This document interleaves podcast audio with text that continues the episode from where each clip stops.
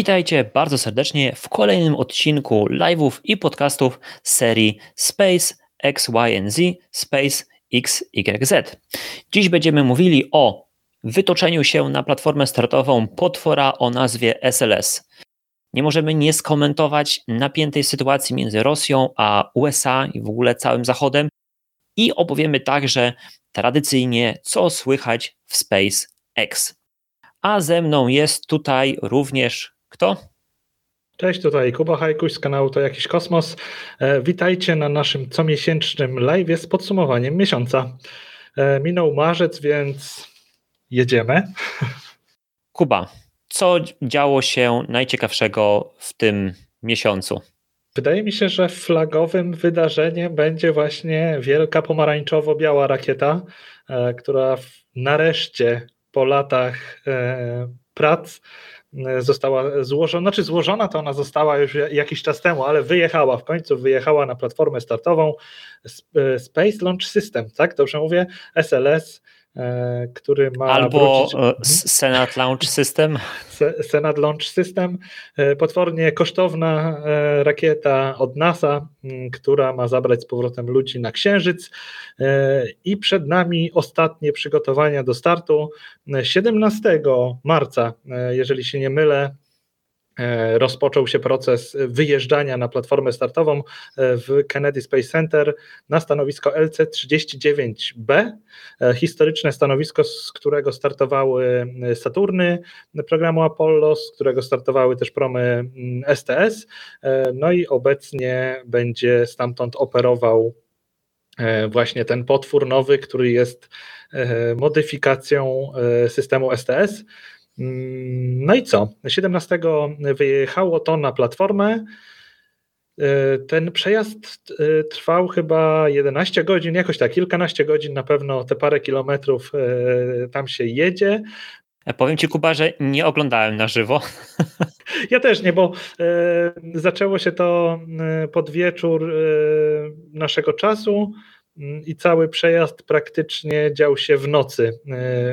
Zresztą mało emocjonujące jest patrzenie, jak e, ten crawler, e, czyli ten pojazd, e, który to przenosi, porusza się z prędkością tych kilku kilometrów na godzinę, a w związku z tym, że skala tego jest duża, to jakby efekt prędkości jest jeszcze mniejszy, więc po prostu przespałem i kolejnego dnia już przyszedłem na gotowe. Jeśli, jeśli już to oglądać, to jako taki e, ten timelapse, tak po prostu szybko. Tak, tak, tak. Ciach, ciach, ciach, albo kilka ujęć tych gigantycznych gąsienic mm, i tak dalej, i tak dalej. Co? No i marzec e, upływał pod e, staniem na platformie startowej i przygotowaniach do wet dress rehearsal, e, czyli takiego symulowanego odliczania do wystrzelenia, gdzie rakieta będzie też tankowana, oczywiście bez wystrzelenia, bo to są testy i to ma się dziać w tych najbliższych dniach, teraz w kwietniu ale no to o tym będziemy mówić za miesiąc, więc e, w marcu nam tego potwora wyprowadzono na platformę startową i przyznam szczerze, że wygląda świetnie. Bardzo mi się ta rakieta z wyglądu podoba. E, co prawda wiedziałem, jak SLS wcześniej wygląda, widziałem wizualizację, ale w końcu jak prawdziwego tam wytoczyli i te pomarańczowe odcienie na rakiecie się objawiły, to wygląda naprawdę fajnie. No i te stare, nowe logo, ten Worm e, NASA, znany po prostu z, z, z koszulek, e, koszulek e, wyrobów polskiego przemysłu odzieżowego, to na szczęście teraz nie jest na koszulkach tylko i wyłącznie, ale, ale właśnie tutaj na tych Solid Rocket Boosters i to wygląda naprawdę super i epicko. I mimo, że właśnie jakby no to jest tylko wytoczenie się, nie? Jakby teoretycznie nic, nic takiego.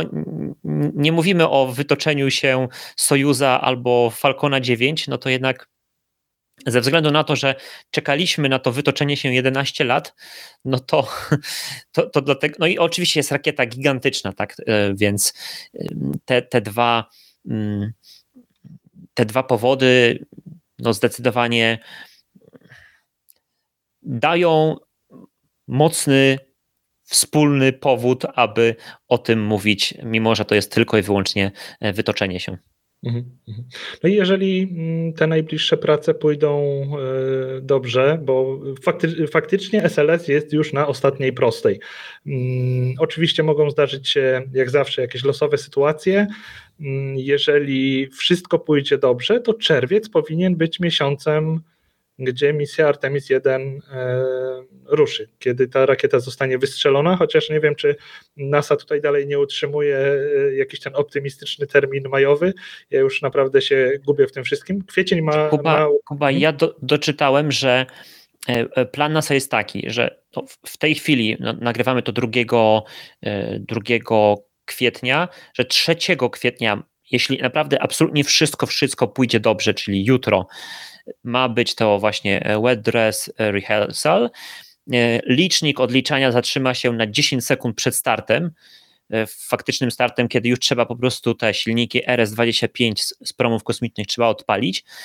Wtedy zatrzymuje się ten, ten, ten licznik. No i oczywiście jeśli wszystko pójdzie dobrze, no to NASA powiedziała, że około chyba tygodnia zajmie im przejrzenie danych i po tygodniu od udanego wet dress rehearsal e, podadzą konkretną datę. Natomiast w tej chwili mówili o tym, że to jest nie wcześniej niż czerwiec. Aha, okej, okay, okej, okay, czyli tak. Więc myślę, że no, między, między teraz, no, początkiem kwietnia a, a czerwcem, no, są dwa miesiące.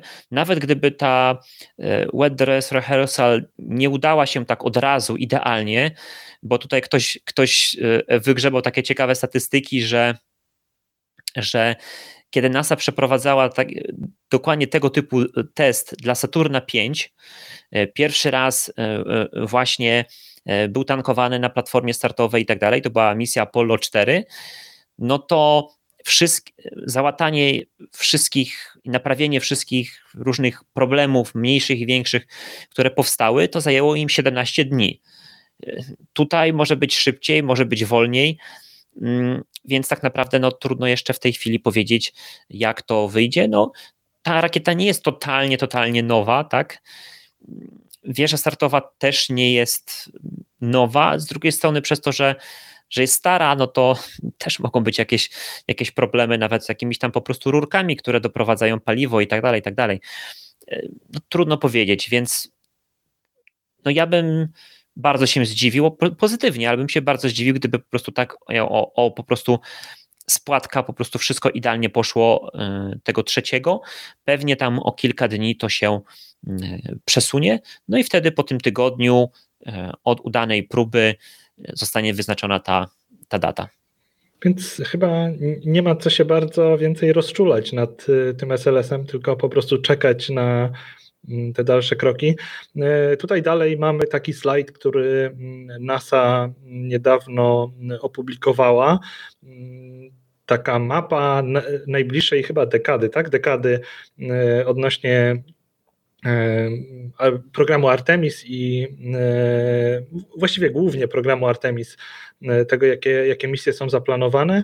E, więc no, mamy rok 2022, jest tutaj przypisany ten, ta misja Artemis 1, oczywiście bezzałogowa, czyli lot testowy, przy okazji którego też trochę CubeSatów zostanie zabranych i wypuszczonych w tej przestrzeni e, między Ziemią a Księżycem.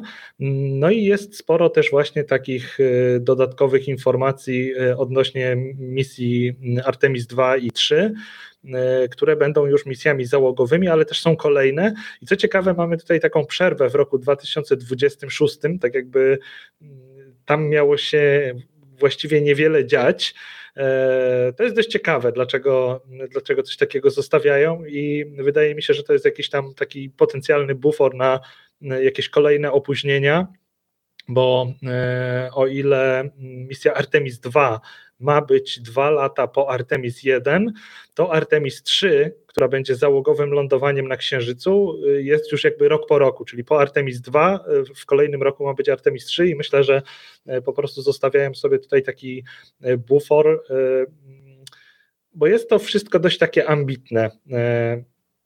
Że w 2024-2025 mają być dwie misje załogowe z lądowaniem na Księżycu, testy lądownika księżycowego od SpaceXa, pierwsze moduły mm, tej stacji Gateway mają być wysyłane, cała masa e, tych misji e, Commercial Lunar, Lunar Payload Services, czyli e, takich misji towarowych na powierzchnię Księżyca więc y, chyba ten 2026 to jest po prostu taki bufor, y, żeby sobie zostawić tutaj trochę pola do manewru. No zdecydowanie tak, bo e, Kuba, e, kiedy oficjalnie program Artemis się zaczynał, e, za czasów Bridenstina i administracji Trumpa, no to lądowanie miało być 24, tak? Teraz jest przedłużone na 25, ale szczerze mówiąc, to, to ja jestem tutaj troszeczkę sceptyczny i myślę, że to prędzej będzie 26.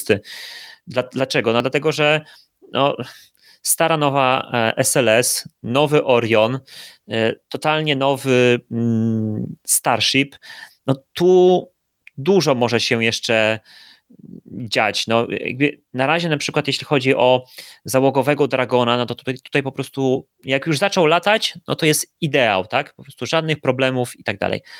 Ale wcześniej też, też miał opóźnienia, a nasz ulubiony Starliner jeszcze nie poleciał. Więc no może, może być też tak, że no tak naprawdę trudno powiedzieć z, z czym. Może, może z Starship będzie absolutnie gotowy, ale będzie jakiś problem z Orionem, a może problem będzie z SLS-em, a może, a może jednak będzie problem z, ze Starshipem, bo nie wiem, zamiast wylądować gładko na Księżycu, to się rozbije. No, nie, nie wiemy tego. Więc tak naprawdę, znaczy fajnie, że robią taką mapkę, ale im dalej w las, to oczywiście to jest wszystko jakieś wróżenie z fusów tak naprawdę, nie? Mhm, mhm. To y, tak szczerze mówiąc, y, wszystko co jest po, od 2026 dalej, to są chyba po prostu takie mm, właśnie wróżby, y, czyli umieśćmy tam coś, żeby pokazać, że mamy ambicje, E, a tak naprawdę zobaczy się za 2-3 lata, e, czy nam się cokolwiek uda ruszyć, bo w 2027 ma być debiut e, SLS-a w, w ulepszonym wariancie, blok 1B i to, no właśnie, no a to jest, to jest pro, problem, tak? No bo ten y, ulepszony SLS to tak naprawdę ten, ten górny, znaczy drugi stopień ma być ulepszony, mają być chyba te mm, boczne E, Solid Rocket Boosters też, też ulepszone, ale do tego potrzeba tak naprawdę chyba nowej wieży startowej, bo, ta now, bo, ta, bo ten ulepszony SLS jest wyższy i tak dalej, i tak dalej. Tam jest tyle rzeczy, które mogą się nie udać, tyle rzeczy, które mogą spowodować opóźnienia dodatkowe. I jeszcze nie wiemy, jak tam z, z, z budżetem i tak dalej, i tak dalej. Więc tak, tutaj to, to jest takie tak byśmy chcieli, żeby było, ale absolutnie zobaczymy, jak to będzie wyglądało. Jest ba bardzo wykładniczo e, rosną ambicje mm, w czasie. No, no nic, no, pokazano nam to, e, cieszymy się, e, tylko kiedy zobaczymy, to zobaczymy. Bo my o tym SLS-ie gadamy już od dwóch lat od kiedy się właściwie poznaliśmy i zaczęliśmy cokolwiek przy kosmosie razem robić, to jednym z pierwszych tematów w ogóle właśnie był SLS e, i on już miał być, już miał być. No i jesteśmy dzisiaj tutaj, gdzie jesteśmy, on dalej nie wystartował, więc e, tak bardzo zachowawczo. Fajnie, że nam to pokazują, że zaktualizowali tę te, te, te mapę e, pożyjemy, zobaczymy. Tak. Jednym z e, pierwszych podcastów, które nagrałem, na pewno chronologicznie, jeśli chodzi o moje nagrywanie, e, wywiad z Anią Foktman, możecie zobaczyć na, na kanale, to wydaje mi się, że w tym podcaście mówiła o starcie SLS-a w 2020 roku. Tak, tak, tak mi się gdzieś tam coś kojarzy. E, a, a mamy 22 i nadal jeszcze nie poleciał, więc no, no po prostu zobaczymy. Idziemy dalej. Tutaj nadal mamy literkę A, bo wcześniej było A jak Artemis, tak? A tutaj A jak Astra. Tak, mamy bardzo fajne info, bo w zeszłym miesiącu rozmawialiśmy o tym, y, właściwie czekaj, rozmawialiśmy? Tak, rozmawialiśmy o tym, że y, Astrze y, rakieta po wystartowaniu uległa awarii. Drugi stopień został uwięziony w, pod owiewką i doszło do utraty ładunku i, i utraty tej misji. Więc w międzyczasie dowiedzieliśmy się, co było powodem tamtej usterki. To było 10 lutego tamten start i okazało się, że właśnie był problem z układem elektrycznym odpowiadającym za separację owiewki. Coś tam nie zadziałało tak jak. Znaczy, był problem w elektronice. Była źle zaprojektowana i w jakichś tam warunkach e, mogła zadziałać nie tak jak należy. No i właśnie doszło do takiej sytuacji, e, dlatego owiewka się nie otworzyła i, i doszło do awarii. To zostało poprawione, więc od kolejnych misji już tego problemu nie, nie powinno być. I jednocześnie Astra też ustaliła, że e, zaistniał jakiś problem software'owy e, jakby wykryli przy okazji e, problem software'owy z mm, sterowaniem wektorem ciągu, więc te wszystkie problemy zostały rozwiązane i to info zostało opublikowane 6 marca, czyli niecały miesiąc zajęło im dochodzenie do tego, co się stało. E, a potem 15 marca, czyli miesiąc e, plus 5 dni, wrócili do startów e, i wystrzelili kolejną rakietę z Alaski, z, z tego portu kosmicznego pacyficznego i misja przebiegła tak jak należy. Przy czym, jeżeli ktoś oglądał ten stream, to zauważył, że bardzo późno uwolnili ładunek, zwlekali z ogłoszeniem, że ładunek został uwolniony poprawnie. Nie, nie kojarzę dokładnie z czego to wynikało, czy e, ze względu na to, że mieli ograniczony dostęp do E, naziemnych stacji radiowych, w sensie, że bardzo późno e, nawiązali połączenie z rakietą. Jakby nie było, ta kolejna misja po miesiącu, e, po wprowadzeniu tych wszystkich modyfikacji niezbędnych, żeby wszystko działało tak jak należy, ta misja się powiodła. Ładunek komercyjny trafił na orbitę, to było kilka CubeSatów, bo jak pewnie pamiętacie, rakieta Astry jest rakietą bardzo małą, obecnie najmniejszą operującą na rynku.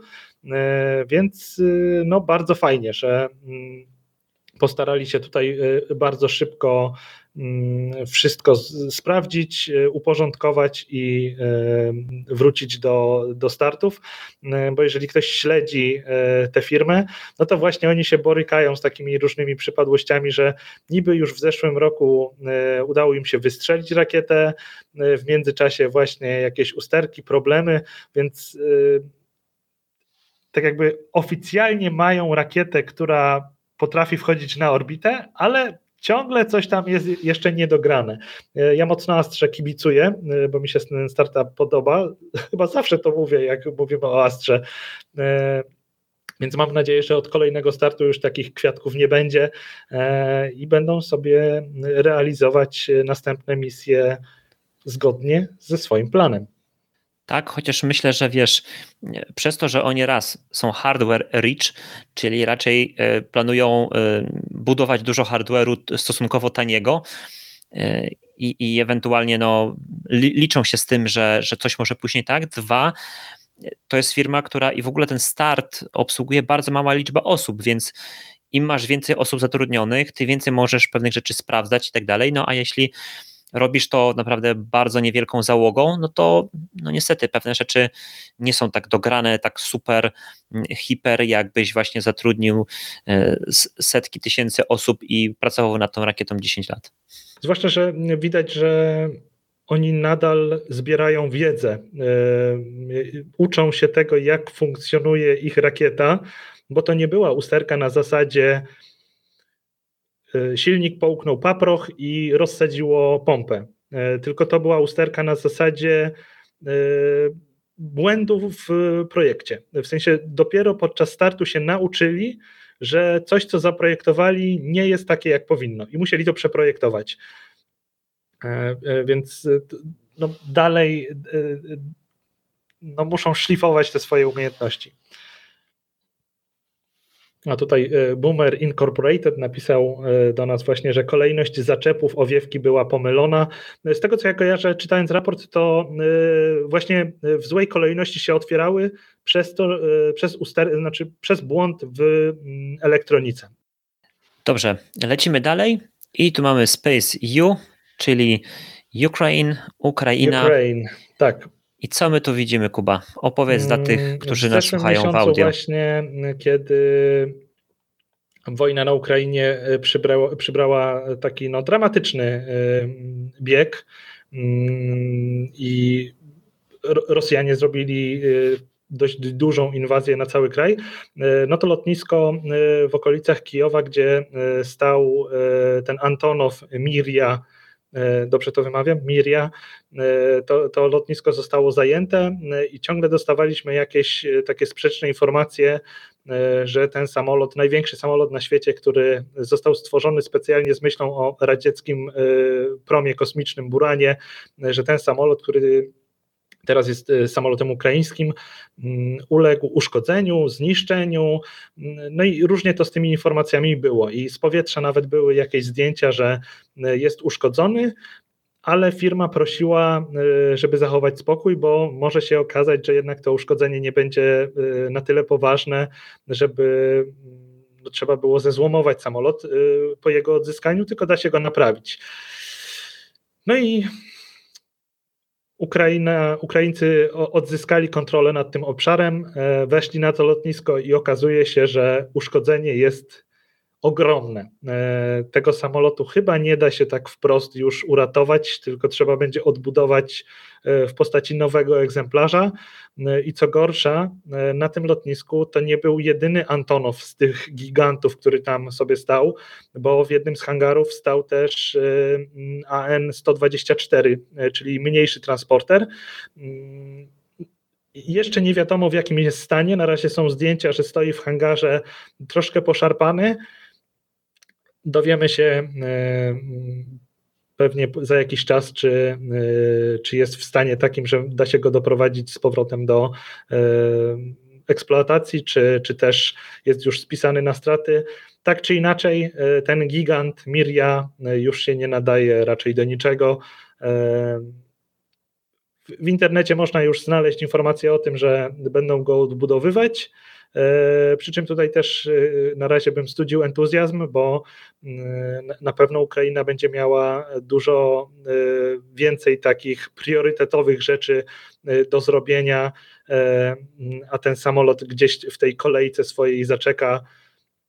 Zobaczymy. No chyba, że rynek będzie wykazywał taką potrzebę, że jednak taki kolos jest potrzebny, mm, bo, bo to jest samolot, który na, na, obecnie y, był niezastąpiony w przypadku niektórych y, transportów, bo on przewoził tramwaje, y, helikoptery, y, często lądował w Polsce, tutaj nawet w mojej okolicy w Rzeszowie i stąd zabierał różne ciężkie ładunki. Może się okazać, że po prostu nie da się go niczym zastąpić i będzie go trzeba w miarę szybko odbudować, to myślę, że wtedy jacyś światowi inwestorzy, którzy będą tego potrzebować, się zbiorą i, i ta, ten kolejny egzemplarz w miarę szybko powstanie. Jakby nie było, no niestety y, informacje z zeszłego miesiąca o jego stanie technicznym się y, potwierdziły w bardzo złą stronę, że jest y, no, praktycznie kompletnie zniszczony. No tak, tutaj ja tutaj no, żałuję bardzo, mm, że, że, że tak właśnie się stało, że też chyba nikt nie przewidział, może przewidział, może nie przewidział e, takiej e, po prostu drastycznej inwazji. I on akurat kiedy rozpoczynała się wojna, to on przechodził jakiś przegląd, tak? Dlatego on nie mhm. mógł wylecieć tak. i był jakiś remont i, i dlatego on nie mógł po prostu sobie o tak wystartować nawet na kilka dni przed, um, przed inwazją, kiedy pewnie już raczej spodziewano się tego, co, co ma nastąpić, ale no niestety został uziemiony. No dobrze, idziemy dalej z Space R, Space R jak Roskosmos i co my tu mamy? Co my Kuba. tutaj mamy? W zeszłym miesiącu rozmawialiśmy o tym, że e, w wyniku sankcji i kontrsankcji e, przemysłu rosyjskiego, kosmicznego, e, różne międzynarodowe przedsięwzięcia są wstrzymywane, zrywane i tak dalej. Tutaj europejski przemysł kosmiczny błyskawicznie ustosunkował się do sankcji europejskich i no, pozrywał różne współprace z Rosjanami, mm, ale jedna misja, jedno wystrzelenie, które nadchodziło, no jakby była kompletna cisza. Chodziło o satelity OneWeb, które E, miały zostać wyniesione Sojuzem z Bajkonuru na orbitę. E, I tutaj firma OneWeb e, nie zabierała głosu, nic nie mówiła o zrywaniu żadnej współpracy i Roskosmos też jakoś nie, nie zabierał głosu w tej sprawie. E, I tak sobie gdybaliśmy, co to może oznaczać. Czy to e, może dlatego, że e, próbują przeczekać, żeby wystrzelić tę rakietę, żeby mieć jakby spokój już z tymi satelitami i nikt nie chce za bardzo dotykać, żeby nie zdenerwować Rogozina, ale niestety w międzyczasie Rogozin sam wpadł na genialny pomysł, że on ten start wstrzyma. Znaczy zaczął od tego, że flagi państw, które współpracują przy wystrzeleniu nazwijmy to, europejskich sojuzów. Y, te flagi zostały zaklejone przez obsługę y, w Bajkonurze na znak takiego protestu, że te y, agresywne w stosunku do Rosjan kraje no nie będą ich flagi widniały na rakiecie, więc wszystko to zostało zaklejone. A potem Rogozin jeszcze postawił takie ultimatum, że nie wystrzelą tej rakiety tak długo, jak udziałowcem OneWebu będzie brytyjski rząd, bo Brytyjczycy też sporo sankcji nałożyli na Rosję. Więc jeżeli firma OneWeb chce, żeby wystrzelić rakietę, to y, mają się pozbyć Brytyjczyków ze swojego, y, jako swojego y, udziałowca, udziałowcę, współwłaściciela i zostaliby sami Hindusi, bo e, indyjska korporacja jest drugim większościowym udziałowcem i jeszcze jest mniejszościowy z Japonii, ale tutaj chyba Rogozin przeoczył, bo nic na tych Japończyków nie krzyczał, kiedy się oburzał na Twitterze. E, no i oczywiście Brytyjczycy powiedzieli nie, znaczy właściwie to nic nie powiedzieli chyba, bo się po prostu do tego nie ustosunkowali. No i Rogozin wstrzymał wystrzelenie, aresztował satelity, zamknął je w Bajkonurze e, więc zostały zdemontowane z rakiety, zamknięte w jakimś e, pomieszczeniu, gdzie, gdzie są składowane.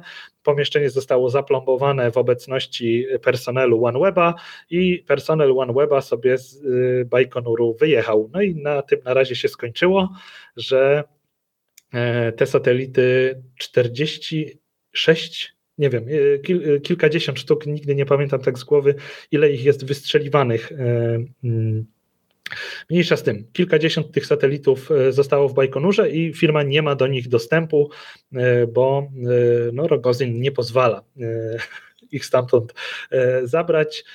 Trzyma je sobie jako, no nie wiem, taką jakby kontrsankcję na zachód po, po tym zdarzeniu OneWeb w końcu zabrał głos, no bo skoro sprawa się wyjaśniła, no to mogli w końcu odpowiedzieć i e, po paru dniach e, udało im się dojść do porozumienia z kimś, e, kogo pewnie wszyscy chcieliśmy. Proszę? Kogo możemy znać?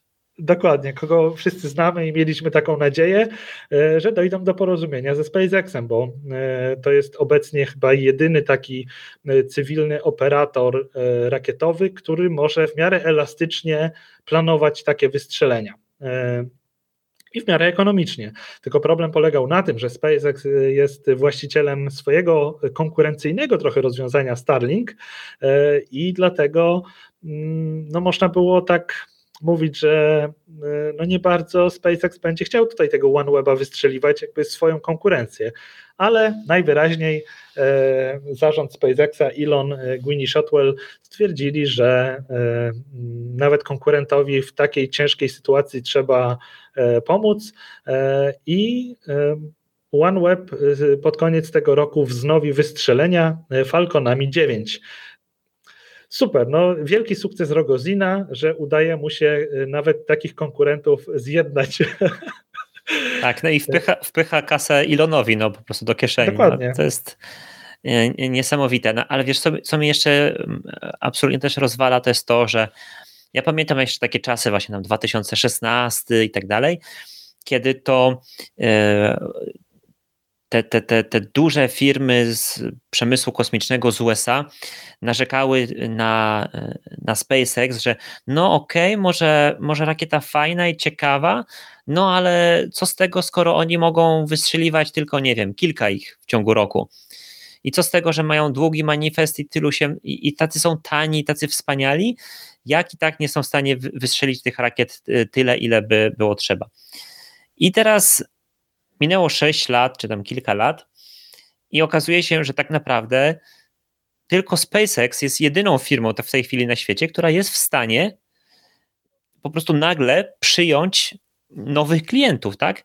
Bo nie możesz sobie kupić Atlasów, nie możesz teraz przez wojnę, nie możesz Sojuzów.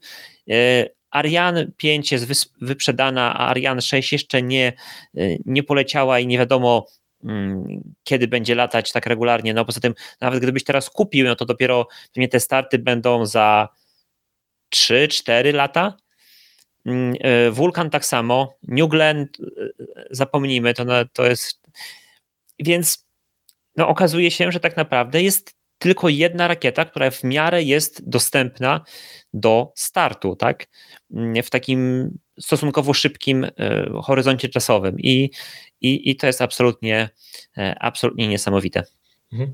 To jest też ciekawe właśnie, że mm, ktoś ze SpaceX, jeden z przedstawicieli SpaceXa zapytany o to, e, właśnie bardzo ciekawych argumentów używał, że to jest nie tyle jakby wyprodukowanie nowej rakiety, no bo wiemy jak jest w SpaceXie, tylko właśnie mówił, że to będzie teraz polegało na takich różnych ruchach w ich flocie rakietowej, bo przecież mają pierwsze stopnie odzyskiwane i oni po prostu no, muszą sobie teraz y, y, przygotować istniejące rakiety do startu. Wiadomo, trzeba drugie stopnie wyprodukować, y, ale są w bardzo takiej dogodnej pozycji do takich manewrów, że w ciągu roku, to jest w ogóle nie do pomyślenia, to jest, to jest tak, że żeby coś wystrzelić, to się, y, nie wiem, te kontrakty dwa lata y, wcześniej podpisuje y, i, i dopiero wtedy jest jakby ta kampania przygotowawcza.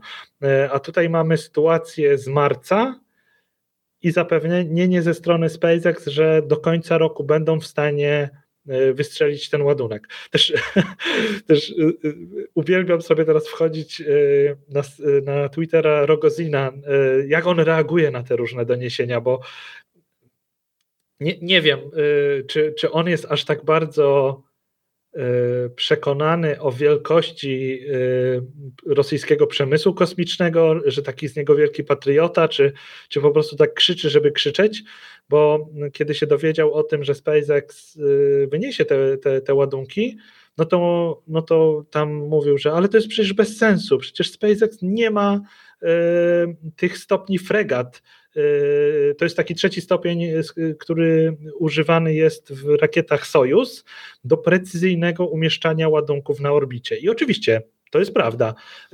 Fregat pod względem precyzji tutaj robił wielką przysługę tym OneWebom że był jest w stanie tak y, umieszczać. fregat to jest taki wielki jakby odpowiednik fotona y, od Rocket Labu. To są te właśnie takie napędy z małym ciągiem, które można wielokrotnie odpalać i bardzo precyzyjnie docierają w wyznaczone miejsce na orbicie. Y, SpaceX czegoś takiego nie ma. Oni mają po prostu giganty, znaczy gigantyczny, w sensie ogromny drugi stopień rakiety, który ma ciągu jak to jest chyba jeden z najmocniejszych drugich stopni na, na rynku e, i, i oni jakby takiej precyzji nie mogą dostarczyć, co nie zmienia faktu, że po prostu przeprojektowuje się trochę misję, e, idzie się na pewne ustępstwa i ten towar się wynosi na orbitę. No i Rogozin bardzo był tym oburzony, że e, jak to tak? Bez tego fregata przecież sobie nie poradzą i on to w ogóle wróży, że OneWeb jest zgubiony, że no nie ma szans, że ta firma upadnie i bardzo go złości to, że ktoś sobie radzi bez pomocy jego przemysłu. Czy wiesz, ja myślę, że on bardzo dużo rzeczy mówi na potrzeby, wiesz, e, rynku lokalnego, tak? E, wiadomości e, rosyjskich, które nie podają prawdy o inwazji Rosji na Ukrainę, i tym bardziej nie podadzą informacji o tym, co się dzieje w branży kosmicznej, takich informacji, które są niekorzystne dla e, Roskosmosu, tak? I gdzieś tam też była taka sprzeczka, nie wiem, gdzieś on powiedział właśnie chyba dla jakiejś rosyjskiej telewizji, że to, to, to czym teraz będą Amerykanie latać? Na, na miotłach? I, i, I to też było y, komentowane po prostu na zachodzie, że tam kolejny start Falcona 9, y, alias miotła i tak dalej, i tak dalej. Natomiast no, no, trzeba po prostu brać pod uwagę to, że on po prostu kłapie tam dziobem e, po to, żeby, żeby tam nakarmić lokalne media i, i tyle. To prawda, to prawda. On jest no, dopóki wszystko grało we współpracy międzynarodowej, no to mógł sobie po prostu być zadowolonym z tego, jak prosperuje E, jego, jego działka, no ale teraz jak się posypało, no to zostało mu już tylko bycie takim głośnym politykiem e, i, no i nic więcej nie może zrobić. E, co też albo mo, mo, może już tyle o Rogozinie. Jasne, jasne. No po prostu, to znaczy w większości agencji kosmicznych tak naprawdę no jej szef jest po prostu z politycznego nadania. Czasami też jest politykiem. E, szef amerykańskiej agencji kosmicznej jest politykiem zawodowym. E, poprzedni też był, był i jest politykiem, więc e, no, trzeba brać to troszeczkę pod uwagę, mm, komentując to, co oni robią i co piszą, szczególnie na Twitterze, który bardzo ułatwia po prostu szybkie pisanie różnych nie do końca politycznie poprawnych informacji, tak na, nazwę to, bo, bo nikt pewnie tam nie, nie kontroluje tego, co Rogozin tweetuje, jakiś... Tak, chyba dwa lata temu też by, było troszkę zamieszania odnośnie tego konta e, jego twitterowego, e, bo e, też go naszło na jakieś takie mocno polityczne teksty i Kurczę, nie pamiętam jak to było. Wiem, wiem że były właśnie jakieś takie e, e, znaki zapytania, czy on to jeszcze jako prezes e, agencji kosmicznej, czy już jako po prostu polityk pisze. E, no i a propos znaków zapytania, no to był jeden teraz bardzo duży znak zapytania e, dotyczący nie satelitów, rzeczy, które no, mimo że cenne, no to jednak mają jakąś tam wartość skończoną, można ją odbudować i tak dalej, i tak dalej. Natomiast tutaj chodziło o e, ludzi, a szczególnie o tego pana. Ten pan tutaj na, na tym zdjęciu, uśmiechnięty, to jest amerykański astronauta Mark Van de Hey, który miał wrócić na Ziemię właśnie Sojuzem.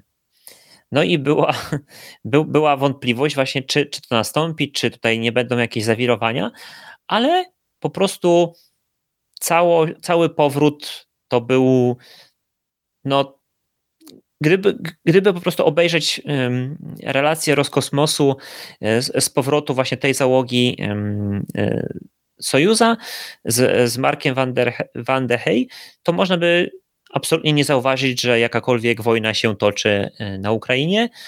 Wszystko po prostu było tak jak za dawnych czasów. Nie było też żadnych jakichś stawek propagandowych y, w trakcie mm, y, streama i relacji z, z powrotu. Mm, I nawet po prostu gdzieś tam w centrum kontroli lotów w Moskwie y, na jednym z ekranów, tak po angielsku, był taki wielki napis Welcome back, Mark. Tak jakby po prostu po angielsku, tak więc tak jakby wszystko po prostu było idealnie. I tu jeszcze taka ciekawostka a propos właśnie tego e, pana, że on pobił amerykański rekord długości jednego lotu. 355 e, dni w kosmosie, e, czyli dłużej niż ten słynny Mark Kelly, jeden z tych bliźniaków, nie, Scott Kelly, przepraszam, ten, który był rok w kosmosie, który nie był rokiem, ale rok w kosmosie to był Scott Kelly, a jego brat Mark.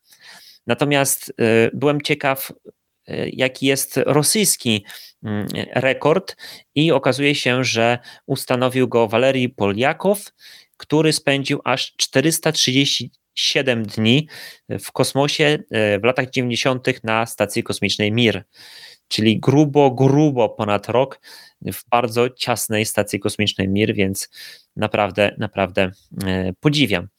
I tutaj jeszcze a propos tej misji e, właśnie z, z Markiem Van, der Hey, Van de Hey, więc wylądował on rosyjskim sojuzem, ale w Kazachstanie, czyli nie w Rosji.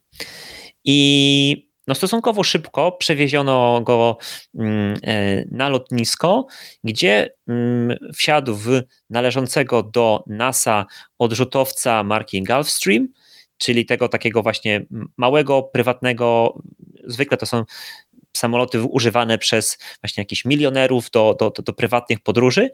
No i wsiadł w Kazachstanie do, te, do tego samolotu i wylądował w, w Houston.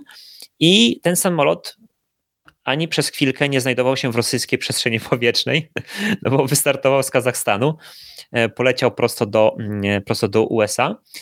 I więc tutaj, okej, okay, wszystko się, się odbyło. Natomiast e, jest jedna ciekawa, jedna ciekawa informacja też jeszcze była podana mm, w okolicach e, tego, tego lotu, że no, pytanie jest teraz otwarte, co z Amerykanami latającymi Sojuzami i miało też nastąpić e, pierwszy lot mm, rosyjskiego kosmonauty Dragonem. I dlaczego to jest ważne? No bo teoretycznie jest, mam, NASA ma teraz Dragona i Dragon jest absolutnie no, może tak naprawdę transportować wszystkich astronautów mm, NASA, ESA, JAXA i Kanadyjskiej Agencji Kosmicznej. Nie ma najmniejszego problemu z tym. Jest w stanie ich wszystkich zawieść. Natomiast jest problem taki, który wydaje mi się, ale nie jestem tego pewien, bo nie było tej informacji, e, że problem jest chyba po prostu z dokowaniem dragonów do stacji kosmicznej, dlatego że e, w idealnej sytuacji zawsze powinien też polecieć jakiś amerykański astronauta Sojuzem, żeby był po prostu na pokładzie stacji kosmicznej, kiedy następuje zmiana i rotacja tej drugiej załogi amerykańskiej. Nie wiem, czy rozumiesz, Kuba, o co mi chodzi. Mhm. Tak, tak, tak, tak, wiem, bo, wiem, wiem, wiem. wiem. Mhm. Bo, bo, cały czas na, na na stacji kosmicznej powinien być przynajmniej jeden zachodni, nazwijmy to, astronauta, żeby opiekował się zachodnią częścią stacji kosmicznej. I w tej chwili nie ma chyba możliwości takiej, żeby na przykład dwa dragony poleciały, zacumowały i jeden ten, jeden ten, który dopiero co przyleciał, a ten drugi, który za, za, nie wiem, za kilka dni ma wracać na przykład, tak? Więc dlatego jest potrzeba tej rotacji i tego, żeby jakiś astronauta amerykański poleciał Sojuzem i kosmonauta Dragonem. No i w tej chwili e, jest planowany taki, taka, taka wymiana i e, pierwszy raz, a tutaj nie kosmonauta, ale kosmonautka Anna Kikina miała polecieć e, załogowym Dragonem w misji Crew 5 we wrześniu na pokład ISS, a no, w miarę w tym samym czasie astronauta NASA Frank Rubio miał lecieć Sojuzem. No i na razie nie było żadnych informacji, czy, te, czy to jest wstrzymane, czy nadal oni polecą, ale jest no, pewnie sytuacja, jak to się mówi ładnie, jest rozwojowa, ale zobaczymy.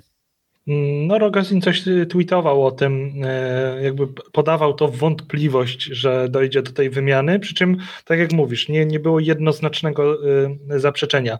E, co do obecności, tak jak mówisz, że ktoś musi być na ISS, żeby Dragon mógł przynajmniej zgodnie z procedurami zadokować, bo on jest w stanie zrobić to sam, e, ale zawsze lepiej jest, jeżeli e, i tego się e, trzymają w NASA, że ktoś z Amerykanów musi być wtedy na pokładzie ISS, to dopóki misje są realizowane tak, że te dragony się zazębiają, czyli jest jedna ekipa dragona na pokładzie, druga przylatuje, spędzają, nie wiem, trzy dni razem i dopiero ta stara ekipa wraca, no to tutaj problemu nie ma.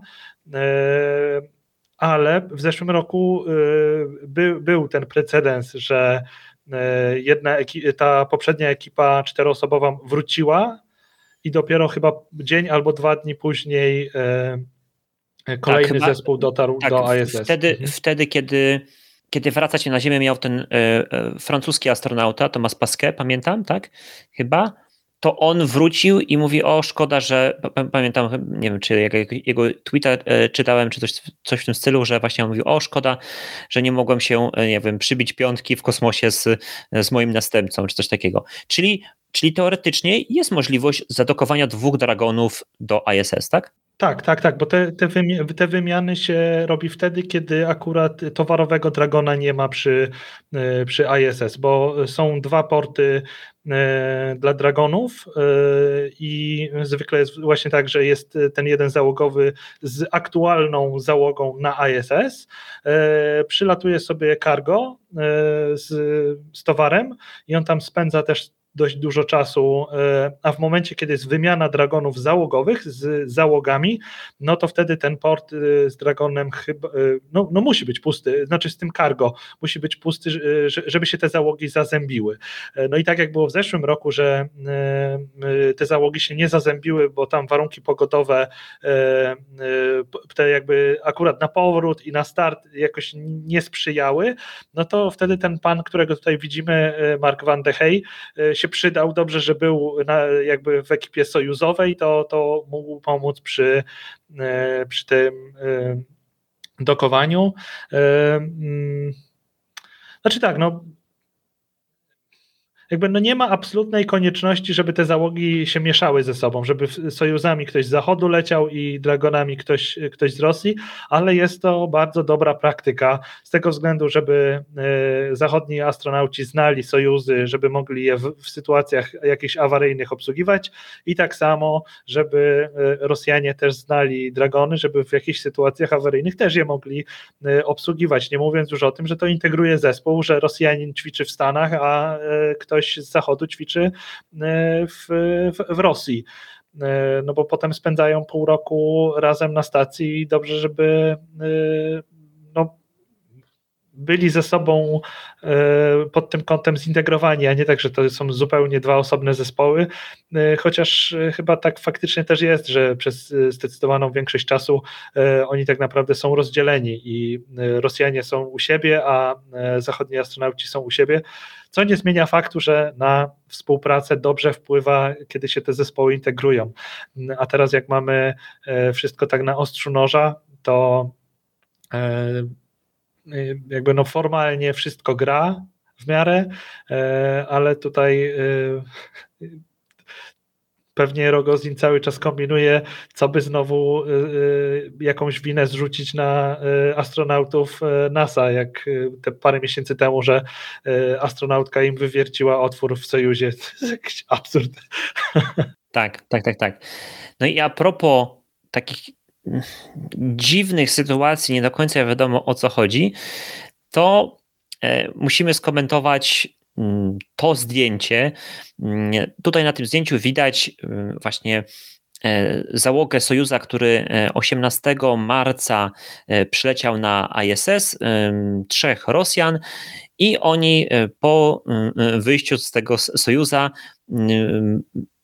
byli ubrani w takie to oto kombinezony żółte, bardzo, bardzo mocno żółte z delikatnymi niebieskimi e, kawałkami, jakby wstawkami. A zwykle Rosjanie mieli raczej właśnie niebieskie, tak? Albo może tam były też czasami białe, czy coś takiego.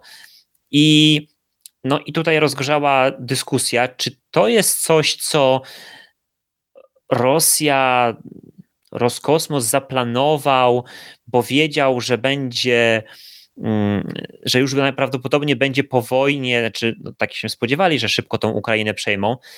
I, i to miało tak pokazać y, ha, ha, ha, tu jesteśmy już na Ukrainie, czy to jest jakiś taki rodzaj, pewnego rodzaju niesubordynacji mm, pod przykrywką buntu astronautów, znaczy kosmonautów, którzy mm, specjalnie założyli takie stroje, aby zademonstrować e, swoją solidarność z, e, z Ukrainą. Oficjalnie były takie dwie informacje, że nie, nie, po prostu mieliśmy dużo żółtego materiału i to tutaj nie ma nic e, w, w związku z tym.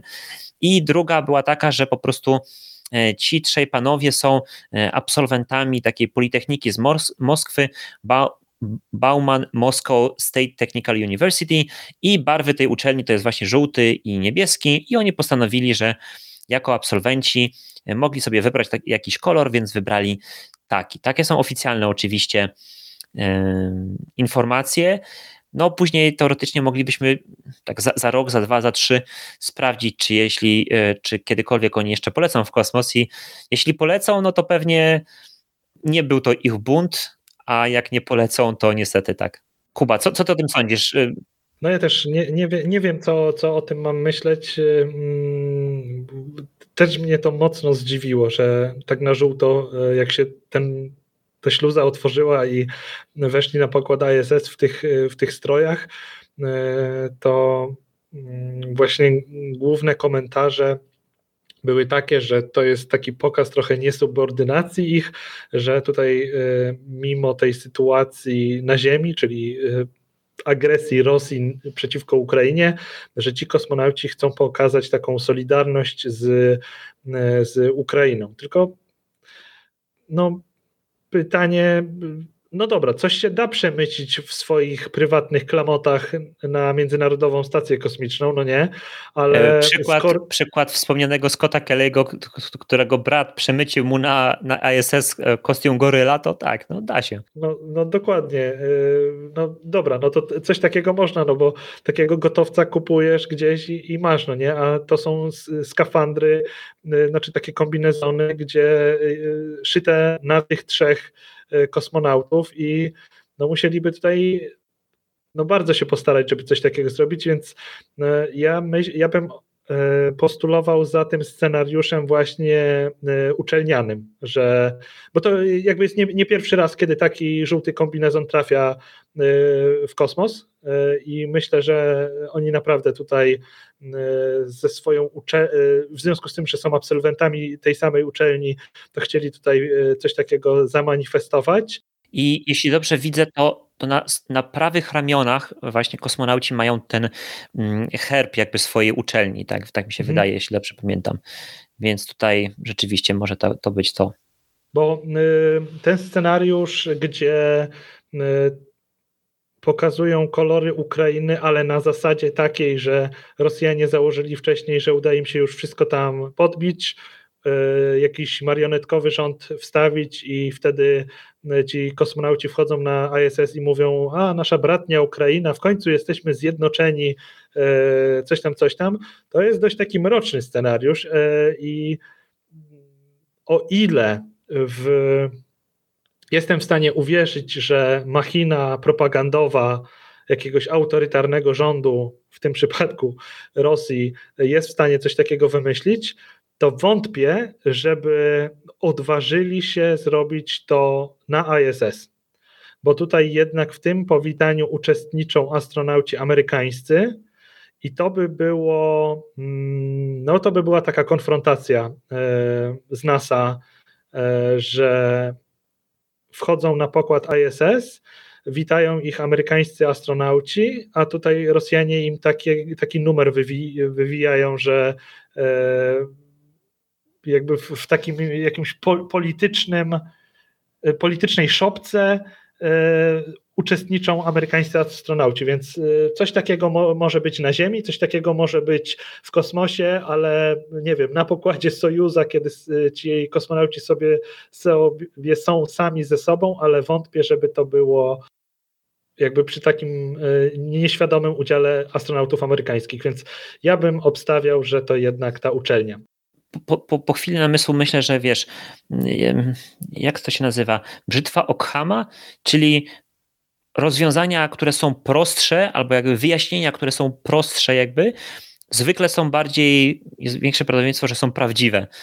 I tutaj po prostu wyjaśnienie takie, że no po prostu to są barwy uczelni, tak? I wydaje mi się, że tutaj najprostszym, drugie najbardziej logiczne i proste jest po prostu, że no może, może to jest jakiś taki bardzo cichy, przemyślany, y, mm, może nie bunt, ale taki no po prostu taki pstryczek, tak?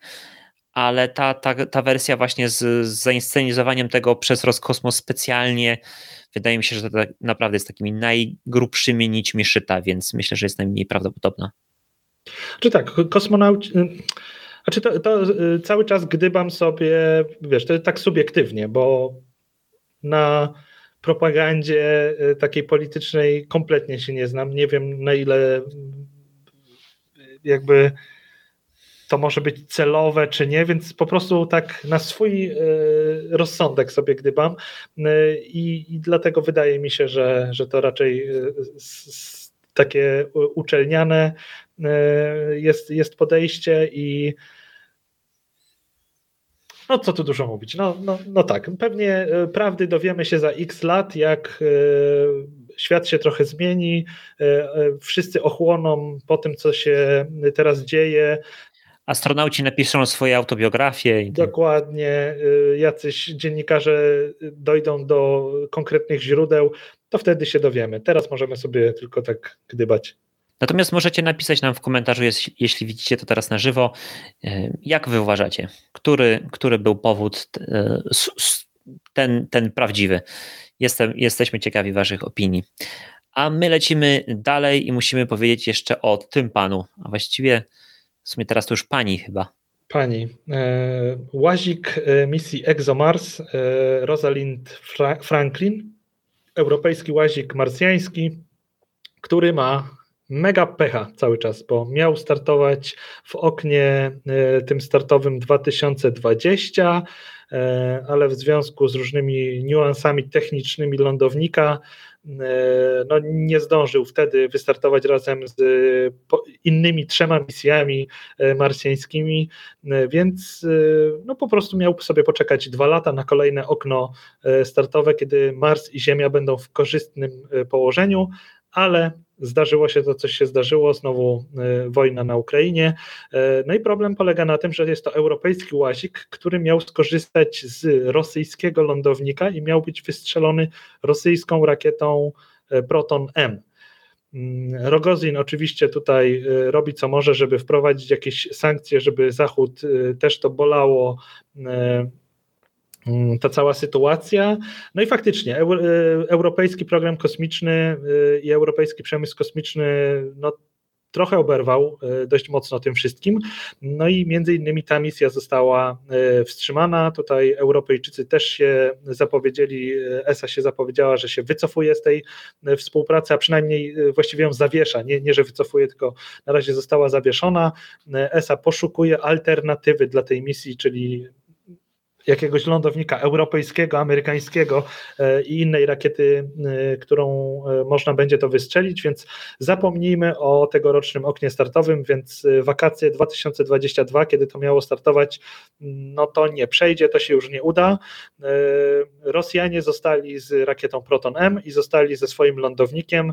Obie rzeczy, no według Rogozina są gotowe, no pewnie są gotowe, no bo się przygotowywali na ten start tegoroczny, tylko tylko że no, nie mają ładunku, który mogliby na tym Marsie e, posadzić, więc ten lądownik. Ten lądownik był też jakąś taką prostą stacją, bo oni to nazywali właśnie, że tam, tam mieli wcisnąć jakieś małe eksperymenciki, tak? No to po prostu był tak no wiadomo, że to nie był łazik, tak, no to miało po prostu wylądować i stać w jednym miejscu, ale coś tam miało też jeszcze badać. No teoretycznie mogą dodać z jakiego, znaczy oczywiście no, nie w ciągu tego roku, ale mogliby dodać jakiś ładunek, jakiś swój łazik e, powiększyć, dodać mu jakiś taki stacjonarny, dodatkowy moduł, ale no myślę, że, że Rosja po prostu no ostatnimi czasy, ostatnimi laty, a właściwie chyba ostatnimi dekady, jeśli można tak powiedzieć, to w ogóle takich kosmicznych misji naukowych nie realizowała zupełnie. Wszystko, które idzie w mm, wojsko albo mm, albo tą współpracę mm, z Zachodem, ale tą załogową, sojuzy załogowe do ISS i kosmonautów wysyłanych do ISS, więc szczerze wątpię, czy, czy oni teraz po prostu jeszcze szczególnie ze względu na sankcje, ze względu na wydatki na wojnę, znajdą pieniądze na jakieś misje naukowe. Tak, to prawda. Tutaj, jeżeli chodzi o finansowanie, to mm, u nich od lat nie jest jakoś y, kolorowo i mm, jeżeli coś jest y, realizowane, to są to projekty militarne, a jeżeli są to projekty naukowe, to tylko przy współpracy z jakimiś agencjami czy, czy firmami zagranicznymi, czyli tam, gdzie ta kasa jest. I w przypadku tej misji Rogozin już też tak wprost powiedział, że szukają partnera, który będzie miał finansowanie i będzie chciał umieścić eksperyment na tym lądowniku i zrobią to w postaci takiej stacjonarnej, czyli wylądują tym lądownikiem i będą mieli, nie wiem, jakieś ramię robotyczne czy coś, które będzie stacjonarnie prowadzić badania. Tylko no, trzeba kogoś z kasą i kogoś z e, takim e, urządzeniem, które da się wystrzelić. E, no i niby szukają kogoś na to okno startowe, które będzie teraz, tylko że no w pół roku niecałe zorganizuj, no niewykonalne, absolutnie nie jest to do zrobienia. Tak, ale tak sobie teraz pomyślałem, że takie na przykład, nie wiem, Zjednoczone Emiraty Arabskie, które mają, e, które mają dosyć ambitny, jak takie ma, na takie małe państwo i świeże, że tak powiem, w branży kosmicznej, bardzo ambitny program kosmiczny, może na przykład e, zdecydują się, czy nie wiem, nie wiem, czy Indie by chciały też akurat z Rosją e, polecieć, Mm, więc y, zobaczymy. No na pewno y, cokolwiek zostanie z, dalej zadecydowane z łazikiem Rosalind Franklin, no to najwcześniejsze okienko startowe to jest 2026, no bo tutaj trzeba byłoby znaleźć właśnie lądownik, czy, czy, czy coś, co może właśnie łazika wylądować i rakietę, więc rakieta jeszcze by znalazła się stosunkowo szybko pewnie, tutaj uśmiechamy się do Falcona 9, ale, ale z tym lądownikiem i tak dalej to, to, to nie jest taka prosta rzecz. Natomiast do łazika ja jeszcze wrócę przy dzisiaj, przy okazji jeszcze jednej historii i jednego newsa, natomiast myślę, że możemy się ruszać, ruszyć dalej. Dobra. Więc Space.pl, czyli Polska, tak, teraz Polska. Teraz porozmawiamy o tym, co się ciekawego wydarzyło, jeśli chodzi o mm, porozumienie. W tej chwili to został podpisany tak zwany list intencyjny między Polską Agencją Kosmiczną a Virgin Orbit. Tutaj widzicie mm, zdjęcie takich trzech panów. E, po lewej mm, to jest mm, prezes Virgin Orbit Dan Hart. Po prawej ściskający jego dłoń to jest właśnie prezes Polskiej Agencji Kosmicznej profesor Grzegorz Wrochna i na środku stoi minister gospodarki i technologii Piotr Nowak. I oni są w środku, tak mi się wydaje, no, mm, właśnie Cosmic Girl, czyli mm, tego Boeinga 747 przerobionego do wystrzeliwania rakiet Launcher One. I tak, podpisano list intencyjny, czyli tak naprawdę to nie jest jeszcze ta, ta właściwa umowa, ale no, na pewno jest to na drodze kierunku tego, aby właśnie mm, polskie satelity były wystrzeliwane za pomocą mm, właśnie Launcher One.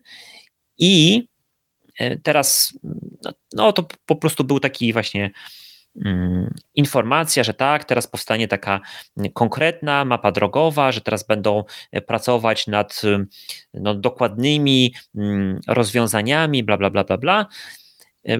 Z takich konkretów to dowiedzieliśmy się tylko tyle, że mm, właśnie tutaj prezes Polskiej Agencji Kosmicznej chciałby, żeby pierwszy lot, jeśli już jeśli nastąpi, to nastąpił e, latem 2023 roku i to jest naj, chyba najciekawsza informacja, żeby e, Cosmic Girl startowała z terytorium Polski. I że teraz będą właśnie dyskutować, z jakiego lotniska mógł, mógłby ten samolot e, startować. I no, że jest to taka inicjatywa Polsy e, nie tylko dlatego, żeby wystrzeliwać polskie satelity, ale żeby tutaj z, z regionu tak zwanego Trójmorza, czyli państw z Europy Środkowo-Wschodniej, które są skupione wokół przy trzech morzach Bałtyckim, Adriatyku i Morzu Czarnym, to, żeby właśnie satelity z tych państw mm, Virgin Orbit e, wynosiło. E, no i co jeszcze było bardzo ciekawe dla mnie, to jest to, że polskim press release to były wszystkie informacje. Natomiast na amerykańskiej stronie spacenews.com e, pojawiła się też jeszcze jakaś cytat z właśnie prezesa Polsy, w którym on mówił, że Mm. że chcieliby, żeby później, kiedy po, po tych jakichś tam pierwszych misjach, to stopniowo, żeby nastąpił transfer technologii do Polski i żebyśmy my wyszkolili własnych pilotów nawet. Co wydaje mi się bardzo dziwnym, dziwną chęcią. Oczywiście e, tak jak mamy te kontrakty wojskowe, nie wiem, czy Polska kupuje F-16, czy Polska chciała kupować jakieś śmigłowce, to zawsze była możliwość, była mowa o offsecie, tak, że a, tak, ale ten transfer technologii nastąpi. Natomiast w tym wypadku wydaje mi się to bardzo mało prawdopodobne. Natomiast y, Kuba, co ty sądzisz o właśnie Virgin Orbit startującym z Polski? Aha, bo miałby, miałby startować z polskiego lotniska, ale jakby start rakiety i wyniesienie w kosmos to dopiero z nad Morza Północnego, no bo nie mogą strzelać z Bałtyku, dlatego że mm, jest, jest no zagrożenie takie, że po prostu przy mm, jakiejś y, no, katastrofie, to szczątki spadną, nie wiem, nad Szwecję, Finlandię, Norwegię, więc tutaj mm, nie, da się z Bałtyku strzelać.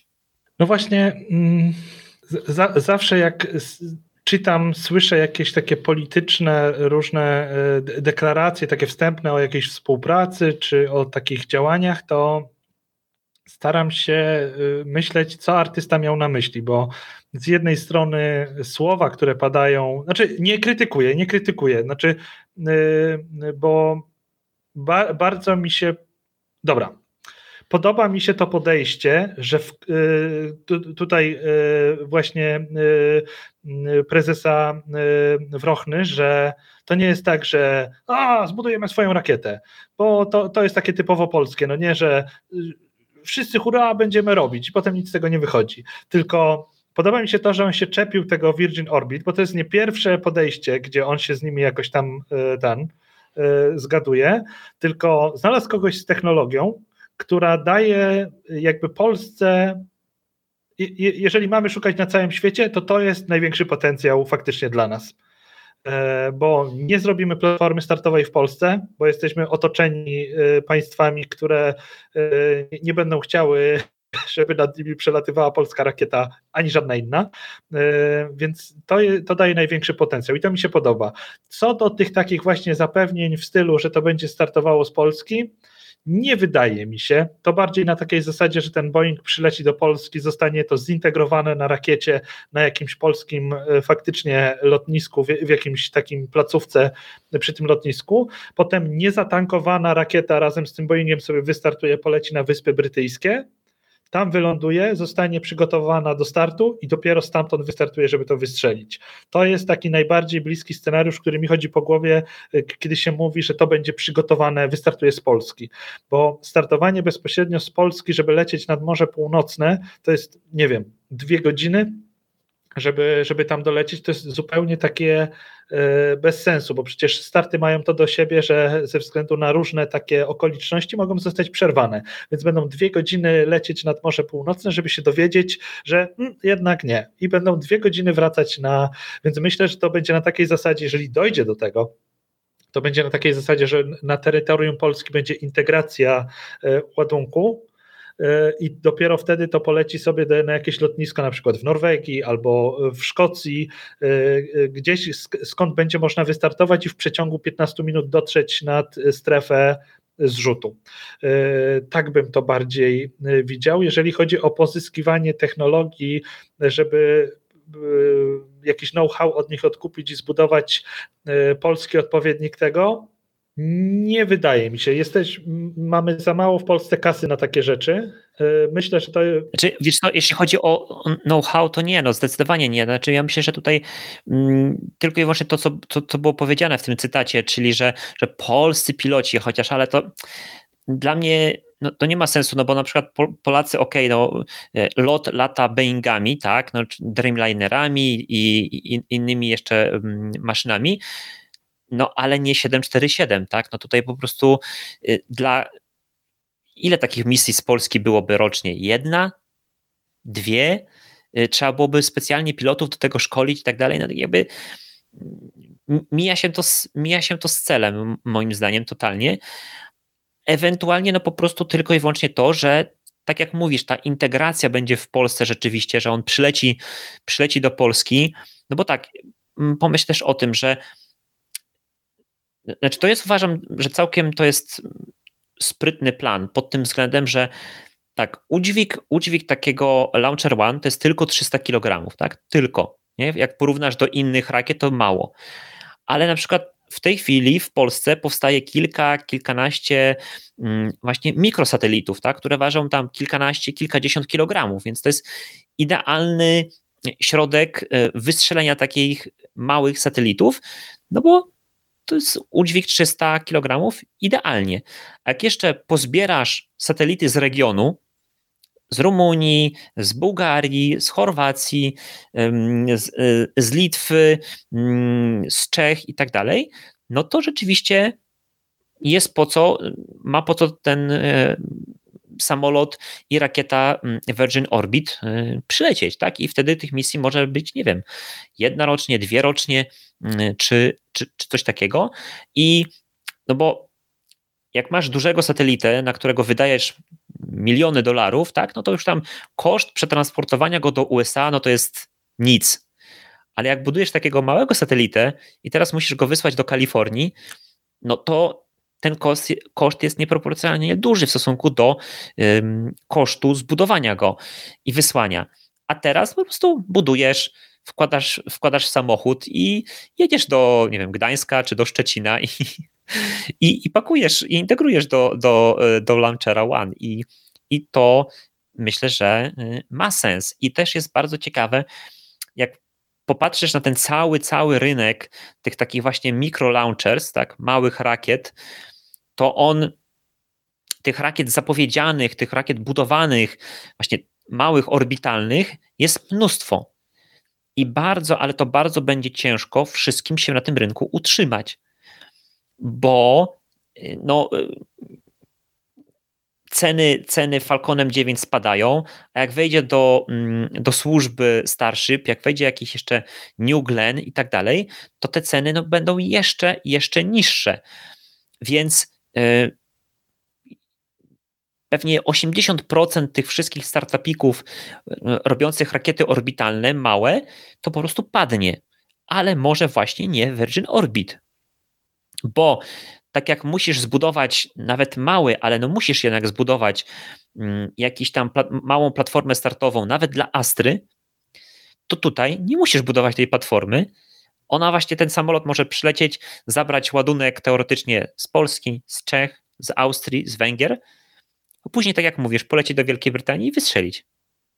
Więc tutaj może być po prostu taka mm, naprawdę bardzo ciekawa nisza dla Virgin Orbit tak, tak jak mówię, z tych y, wszystkich różnych y, pomysłów, y, które nasz kraj wypuszczał odnośnie tego, żeby być, nie wiem, mistrzem świata w każdej kategorii, ten ma najwięcej sensu, ma ręce i nogi, podoba mi się to podejście. Oczywiście są te, tak, tak jak mówisz, no nie, że polski pilot czy coś.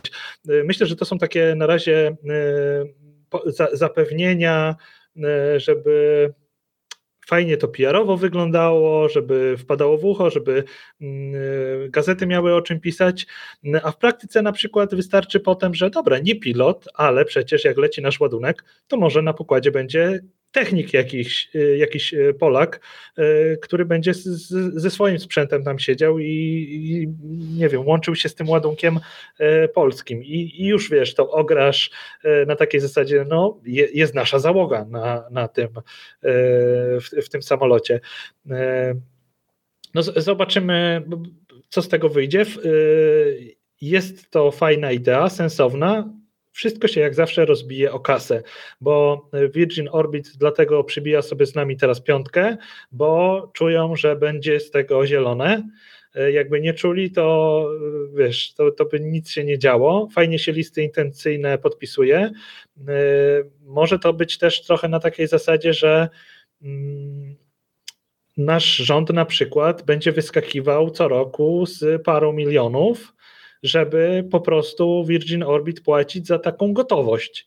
E, na takiej zasadzie, że czy wystrzeliwujemy, czy nie, y, żebyście dalej utrzymywali zdolność wynoszenia tych ładunków, żeby to, to wszystko się finansowało, y, no to będzie polski rząd na przykład trochę takim może nie udziałowcem, ale e, tak jak robi amerykańskie wojsko, no nie, że mają więcej tych operatorów rakietowych niż im trzeba i płacą im tak czy tak, żeby oni po prostu istnieli.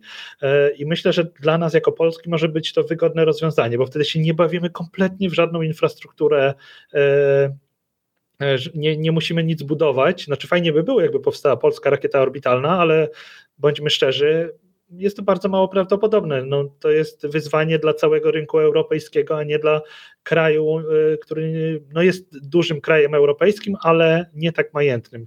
Y, więc y, jak tutaj tak się z tym Virgin Orbit mm, próbują romansować, to myślę, że to będzie najbardziej takie możliwe podejście, żeby próbować ich odrobiną pieniędzy związać z nami, żeby e, faktycznie przylatywali na, na te nasze lotniska. Tutaj, e, tak jak mówisz, jeden, dwa ładunki e, na rok pewnie jeden na rok to i tak optymistycznie będzie, w sensie jedno wystrzelenie będzie integrowane w Polsce i, i, i, potem to będzie przenoszone gdzieś na zachód Europy, skąd nad to Morze Północne łatwiej da się dolecieć. E, tutaj mi e, pisze Jarosław Spychał, Spychała, Spychala, Kuba, więcej optymizmu. E, ja się na różne polskie projekty na tyle napatrzyłem i sam też w wielu rzeczach uczestniczyłem i popsułem różne przedsięwzięcia, że, żeby, że, że wiem, jak to jest z takim puszeniem się, o, co to ja nie zrobię. Po owocach ich poznacie, zrobią, będzie super. E, słowa e, nic nie kosztują, fajnie się zdjęcia e, robi, ręce podaje, więc ja czekam na efekty. Tak, no tutaj była na pewno bardzo ciekawa wycieczka do, do, do, Los Angeles, chyba tam jest siedziba właśnie główna mm, firmy Virgin Orbit. Fotki fajne, no chociaż tak szczerze mówiąc to, znaczy ja byłem trochę może, no bo, znaczy ja, ja oczekiwałem, bo plotki o tym, że, że to nastąpi, to już słyszałem kilka dni wcześniej, ale myślałem, że już nastąpi to porozumienie, nie? a tu był dopiero list intencyjny i tym byłem rozczarowany, bo to jest jeszcze, to może do, do konkretów może żadnych jeszcze absolutnie nie dojść. Natomiast mm, generalnie jestem bardzo pozytywnie zaskoczony tą inicjatywą, no bo jakby no, robimy coś, tak, po prostu i wydaje mi się, że to partnerstwo naprawdę może być, jest, no ma sens, tak, bo i Virgin y, Orbit potrzebuje więcej klientów i jednocześnie my akurat jesteśmy, możemy być takim dobrym, e, dobrym klientem, tak? Więc to tak. I jakby tu przy okazji właśnie mm, mówienia o Virgin Orbit, to w, w tym miesiącu też pojawiła się informacja o tym, o wynikach finansowych Virgin Orbit. I uwaga, uwaga, w 2021 roku Virgin Orbit zanotował stratę 157 milionów dolarów, e, a przychód, przychód mieli na poziomie 7,4 miliona dolarów. Czyli zobaczcie, y, sam przychód, nie, mów, jakimś, nie mówiąc o jakim, jakimkolwiek zysku, ale przychód był 7 milionów, a strata była 157. Więc tutaj jeszcze jest bardzo duża duża, duża po prostu różnica między tymi dwiema mm, kwotami do zasypania, no i dlatego starają się tutaj nowe rynki otwierać i, i, i, negocjować. Mm, a jako też ciekawostka, to w poprzednim roku jeszcze, czyli 2020, to tych hmm, straty było 121 milionów, a przychodu 3,8, tak? Czyli tutaj w następnym roku było więcej straty, ale też zdecydowanie większy przyrost mm, e, przychodu. I co jeszcze? Mm, no, Virgin chwali się tym, że mm, no, ma już taki backlog misji na aż 500 milionów, 575 milionów dolarów.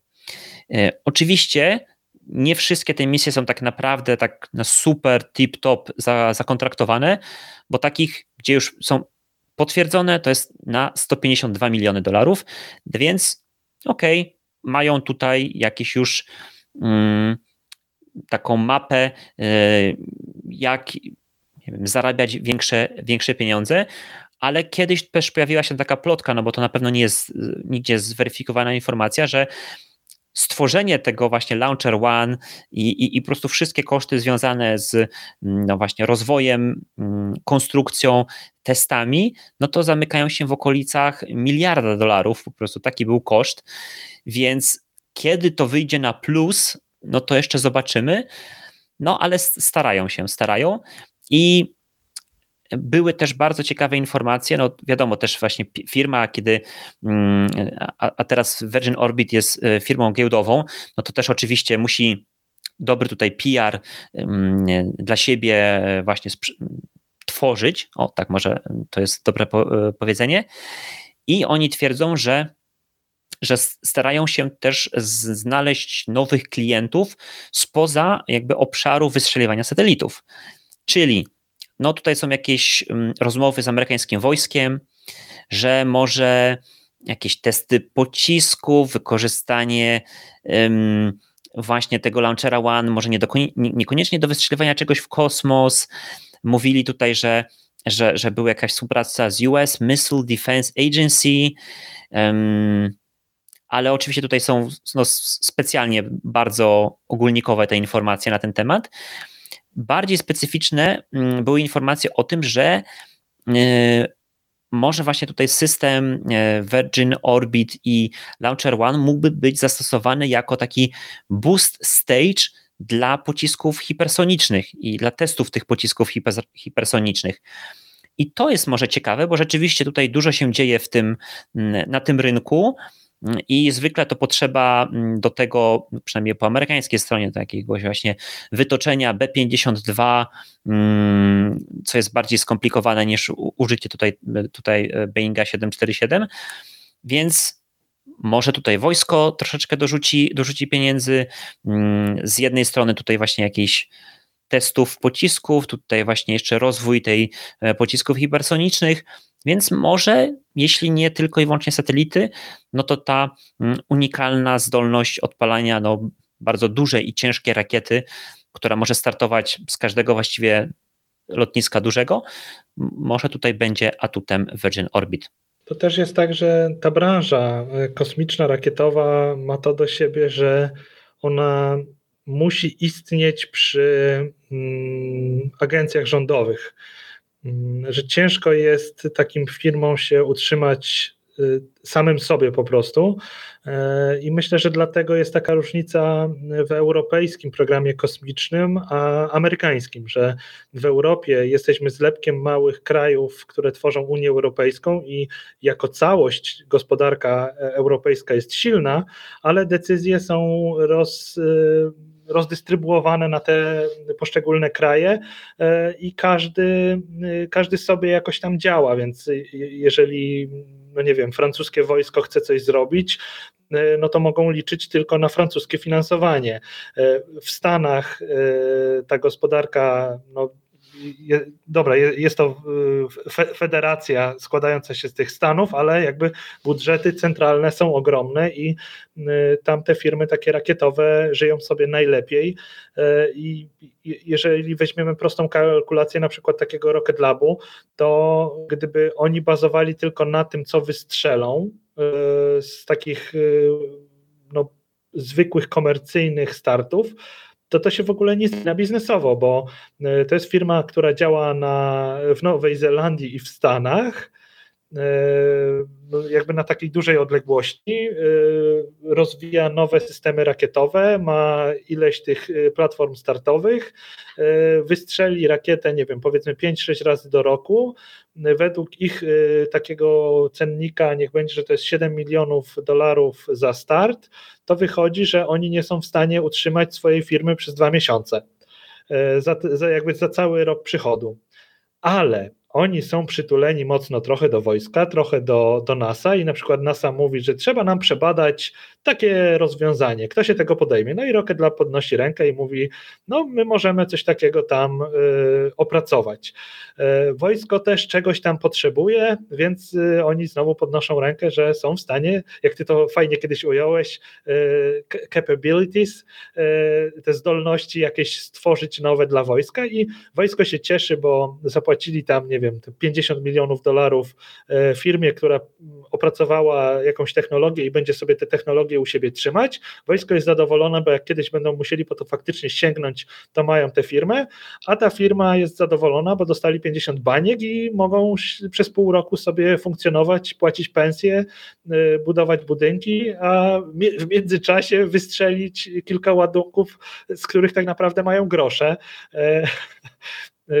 I, i tak, to, tak to pewnie e, funkcjonuje. I my, myślę, że Virgin Orbit próbuje coś takiego zrobić, tylko y, między Europą a Stanami. W sensie, że w Stanach już pokazali, że potrafią. Y, wiem, że mocno też się tutaj prezentują y, Bryty, Bryty, przed brytyjskim rządem, żeby pokazać, że z Wielkiej Brytanii też mogą wystrzeliwać, a w, na kontynentalnej Europie przygnało ich do Polski i tutaj też mają nadzieję trochę kasy uszczknąć, żeby jakby oferować oferować nam to, że y, no jakby te, ten capabilities, czyli zdolność, że zapewnią Polsce zdolność wynoszenia ładunków na orbitę, y, tylko tam rzućcie nam jakimś ryczałtem, y, czy, czy się stoi, czy się leży, parę tych baniek zgarną. Znaczy wiesz co, na ten ryczałt ciężko mi w to uwierzyć, bo właśnie my nie mamy takich, takiej, takiej kasy na zbyciu, ale ja bym jeszcze tutaj wspomniał o jednej ważnej e, rzeczy, mianowicie a propos właśnie Virgin Orbit, że to jest właśnie technologia, no brytyjsko-amerykańska, tak? I, e, I my jako państwo bardzo chętnie kupujemy technologię od, z USA, e, z Wielkiej Brytanii może też, a niechętnie byśmy kupowali z Francji, nie mówiąc już o Niemczech, więc tutaj po prostu wszystko politycznie też się układa w, w jeden mm, obrazek, więc myślę, że, że, że z tego powodu też no jakby musi się udać. Znaczy to, to jest coś, e, poruszyłeś taki temat, który od lat e, nie mieści mi się w głowie, że jeżeli w Polsce jakieś bardzo zaawansowane technologie są poszukiwane, to e, po pierwsze, dlaczego nie wykłada się kasy, żeby polski przemysł sobie to opracowywał, żeby te technologie powstawały w Polsce? Mówi się o tym, że a, bo polski przemysł tam no nie, nie będzie potrafił, nie ma takich zdolności w polskim przemyśle, no to po to trzeba wyłożyć kasę, żeby te zdolności powstały. No ale dobra, powiedzmy, że prze, prze, przekonali mnie jakoś do tego, że no dobra, no w Polsce się nie da, y, to dlaczego nie idzie się właśnie do firm europejskich? Jesteśmy w Unii Europejskiej i na dłuższą metę powinna y, no ta Unia się integrować coraz bardziej, a nie tak, że za, zawsze jest taki, tak przeskakujemy te wszystkie kraje europejskie i lądujemy sobie w Stanach i wszystko w Stanach musimy kupić. To, to, mnie, to mnie bardzo dziwi, że e, jakby od lat tak było. E, znaczy ja to widzę tylko przez pryzmat tych takich militarnych zakupów, że jak były te samoloty, to ani Gripeny gdzieś tam ze Skandynawii, nie wiem kto to Szwecja produkuje, ani te Eurofightery europejskie, e, tylko do Stanów po F-16. Teraz znowu F-35 do Stanów znowu. E, no dobra, F-35 jest takim samolotem, że jakby nie ma odpowiednika w Europie i nawet europejskie kraje go kupują, ale dlaczego nie szuka się tego najpierw w, w Europie? Żeby na przykład ten koncern, koncern Airbusa jakoś przyciągnąć do Polski, niech tutaj zakłady Airbusa powstają w Polsce, to się ściąga te, te jakieś amerykańskie, nie wiem, to jakieś polityczne. No Kuba, Kuba, myślę, że tutaj to jest, to jest temat, moglibyśmy tutaj też pewnie dwie godziny nagrać, nagrać odcinek na ten temat, więc dzisiaj może akurat e, już na, na, tym poprzestaniemy, to jest no, no, no, bardziej skomplikowane, no bo ja tylko dodam naprawdę w takim telegraficznym skrócie, że jakby no Airbus, nawet ten trochę kosmiczny jest w Polsce obecny, ale bardzo w niewielkim chyba stopniu, no już szczególnie jak porównasz do, do tego, co jest we Francji i, i w Niemczech, no i wiesz, decyzje racjonalne, a, a, decyzje polityczne nie zawsze są po prostu, to nie jest to samo, tak? I tutaj postawię kropkę. Dobrze, lecimy Kuba do naszej ulubionej literki, czyli SpaceX. Co tam się działo w SpaceX? Tak, dzisiejszą literkę X, e, X, X ja przygotowywałem e, na slajdach z taką nadzieją, że wrzucę ich mało, to może uda się szybko to omówić, a wyjdzie tak jak zawsze.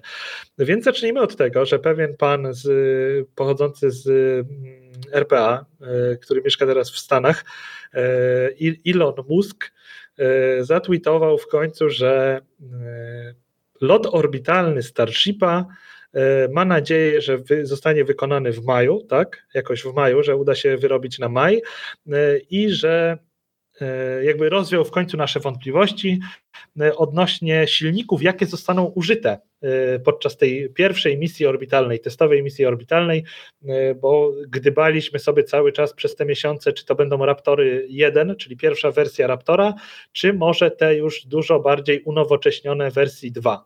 No i Elon rozwiał nasze wątpliwości, powiedział, że to będą Raptory 2, a to pociąga za sobą kilka różnych takich konsekwencji, bo mieliśmy wielką nadzieję na to, że poleci na orbitę y, pierwszy i drugi stopień, które od miesięcy znamy pod nazwą y, S-20, czyli Starship Ship Dwa, y, egzemplarz numer 20 i booster czwarty, czyli pierwszy stopień z numerem 4, ale okazuje się, że skoro to będą nowsze Raptory i tutaj SpaceX chce poświęcić ten czas znowu na jakieś unowocześnienia, to jednak nie, nie będzie tak, będą to już kolejne egzemplarze więc e, szkoda, bo śmieszkowaliśmy, że w kosmos poleci 4,20. Kto wie, co znaczy 4,20, ten wie, kto nie wie, niech nie szuka. E, to nie jest tego typu program internetowy, żebyśmy o tych cyfrach mówili. E, mniejsza z tym, więc e, najprawdopodobniej będzie to SHIP 24 e, i Booster 7, czyli pierwszy stopień z numerem 7. Wszystko, co było w międzyczasie, gdzieś tam zostało albo wyprodukowane i gdzieś postawione w placówce tej produkcyjnej SpaceXa w Teksasie, albo w ogóle nie zostało wyprodukowane, no bo jak dobrze wiecie, ten development rakiety jest bardzo intensywny i no niczego nie można brać za pewne, e, bo SpaceX e, już wielokrotnie pokazał, że nawet jak zbudują na przykład drugi stopień e, Starshipa, to mogą go bardzo łatwo podjąć decyzję, żeby go zezłomować. Co tutaj nam Mateusz napisał? Czy ten tweet o maju był przed, czy po tym, jak EPA powiedziała, że opinia będzie później? Aha, właśnie. Też kolejna rzecz, dobrze, że Mateusz tutaj, Mateusz Wielgosz zauważył, że FAA, Federalna Administracja Lotnictwa USA, znowu przesunęła termin, e, kiedy będzie ocena środowiskowa dla startów Starshipa z Teksasu. E, bo jeżeli ktoś siedział pod kamieniem i nie wie o co chodzi, to ten urząd amerykański do spraw lotnictwa i startów rakiet też między innymi dalej y, opracowuje taką ocenę tego, jaki impact, jaki wpływ y, operowanie Starshipem będzie miało na środowisko, y, tereny zamieszkałe i tak dalej. No i pierwotnie termin był na koniec roku 2021, że z końcem grudnia dowiemy się, czy SpaceX może startować z Teksasu i na jakich warunkach. I od tego czasu systematycznie nam te terminy przesuwają. E, parę dni temu dowiedzieliśmy się o ponownym przesunięciu, e, że to już nie koniec marca, tylko koniec e, kwietnia. A zobaczymy. Tak, a wcześniej, wcześniej było, że to miał być koniec lutego, bo wtedy właśnie to było 28 lutego, później na 28 marca, a teraz na 29 kwietnia. No ale no już nie wiem, tak naprawdę to mam coraz mniejszą nadzieję na to, że, że, że ten, ten termin będzie tym ostatnim, bo jeszcze coś tam się może zdarzyć, chociaż może już nie wiem, tyle razy przekładali, że w końcu, e, w końcu dowiozą. No, znaczy, e, patrząc na reakcję Ilona, czyli brak reakcji na to, że e, FAA przesuwa te, te daty, no bo jak się cofniecie rok wstecz, kiedy trwała intensywna kampania testowa Starshipów tych drugich stopni, te podskoki na 10 km, to każdy taki sprzeciw FAA Elon, Ilona to bardzo denerwowało, gdzieś tam tweetował, że a, FAA to tam biurokraci, bla, bla, bla, coś przeszkadzało mu to, że rzucają mu kłody pod nogi. E, a teraz trwa sobie ta ocena środowiskowa e, do lotu orbitalnego i oni ciągle ją opóźniają o kolejne tygodnie, e, a Elon jest wyjątkowo spokojny. No i jakby Najprawdopodobniej wynika to z tego, że na Ziemi teraz mają tyle pracy e, w, SpaceXie, że e, jakby te opóźnienia ich w ogóle nie, nie bolą, bo e, przygotowanie startu orbitalnego jest na tyle trudne, że nawet jeżeli FAA się wyrobi z tą oceną, no nie wiem, jeżeli by się wyrobili na koniec marca, czy tam teraz na koniec kwietnia, to dalej SpaceX pewnie po swojej stronie nie będzie e, gotowy, żeby Starshipa e, wystrzelić. E, tak.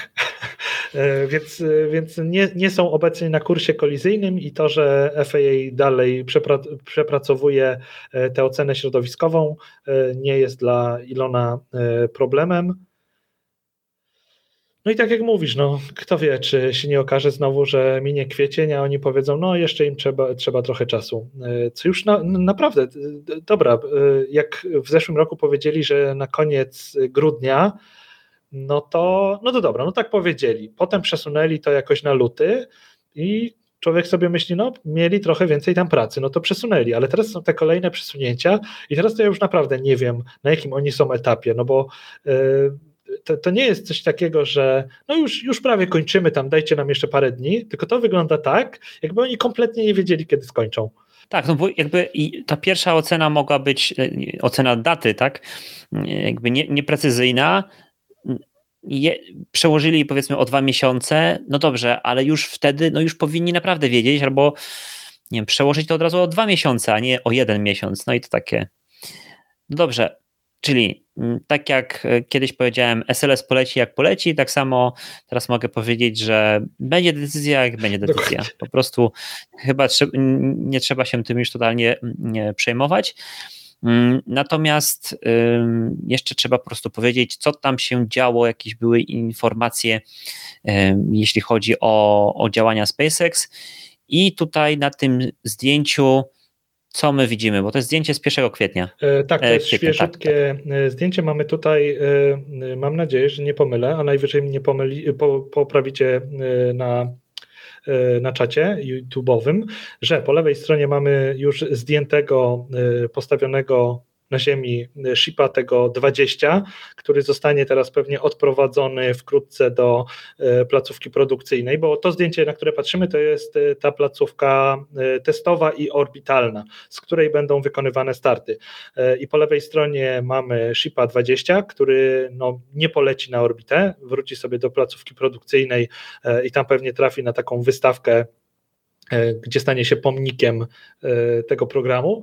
E, na środku mamy orbitalną wieżę startową, która służy też do integracji rakiety, a po prawej stronie mamy właśnie ten booster 7, który przybył tutaj do tej placówki testowej, żeby, znaczy testowo-orbitalnej, żeby przejść serię testów. On jest jeszcze mocno niekompletny, bo ani nie ma silników, ani nie ma tych stateczników grid fins u góry, E, więc on tutaj przyszedł na różne testy takie mm, ciśnieniowe, e, e, też do tej placówki dotarł, dotarło takie specjalne urządzenie pieszczotliwie nazywane Can Crusher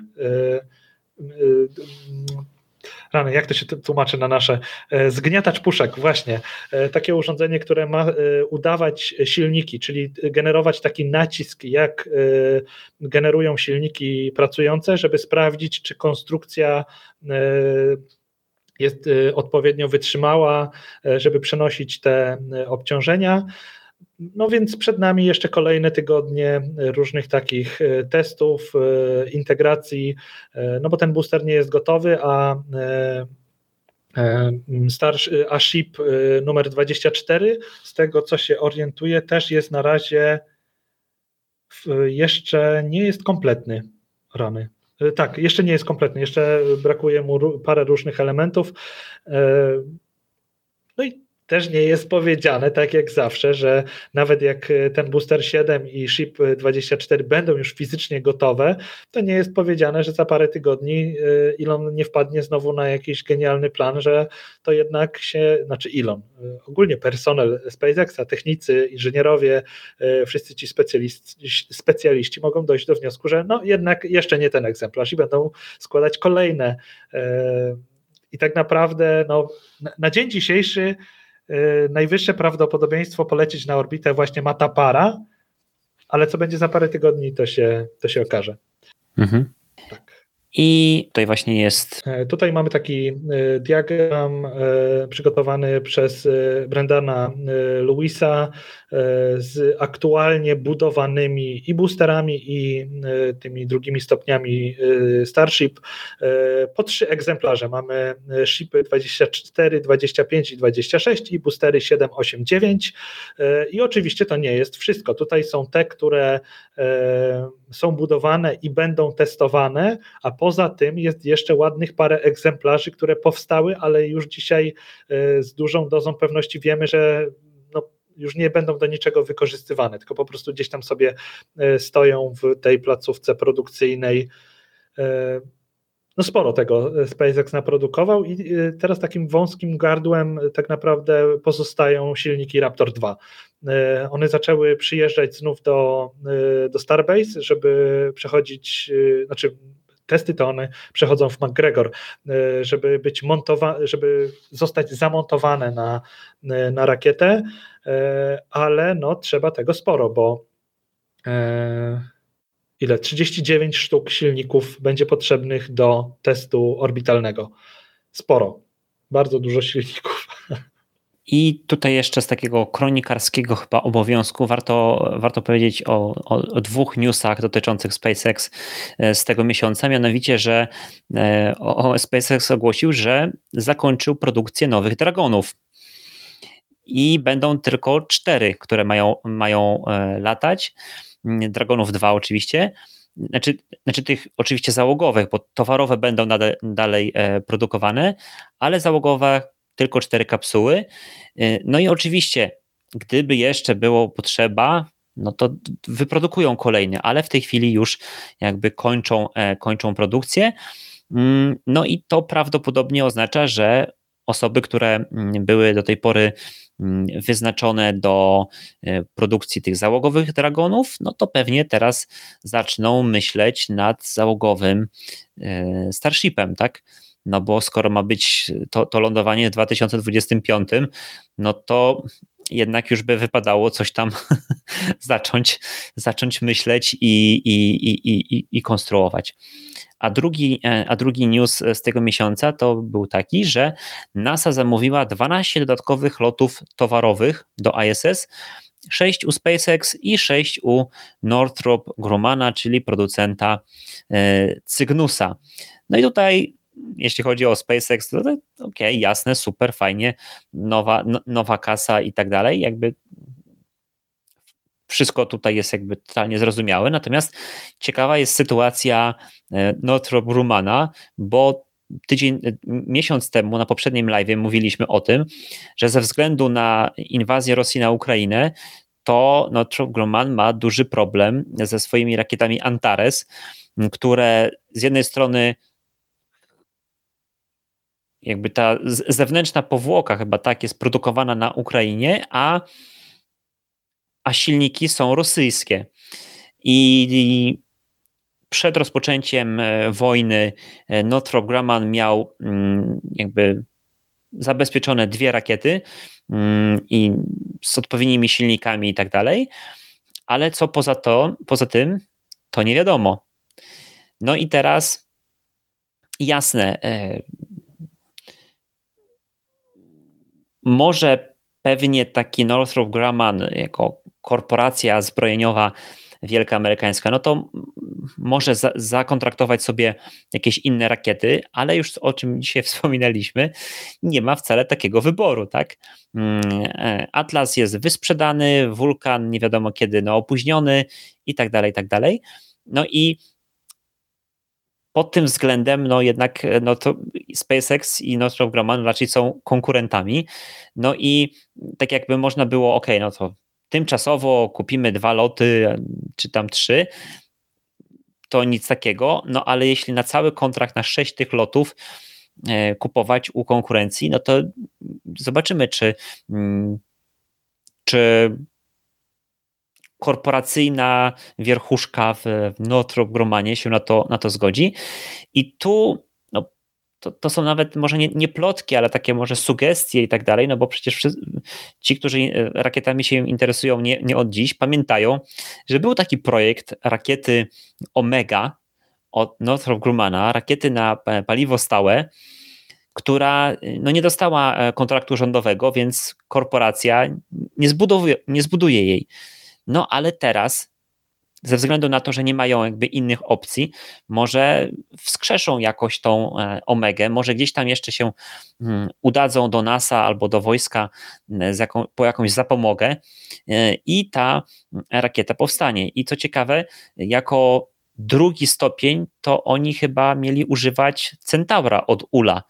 Więc to też, e, to nie jest też tak, że, że, że są w stanie tą rakietę wyprodukować tak szybko, bo musieliby za, zamówić od Ula tego Centaura, e, przetestować e,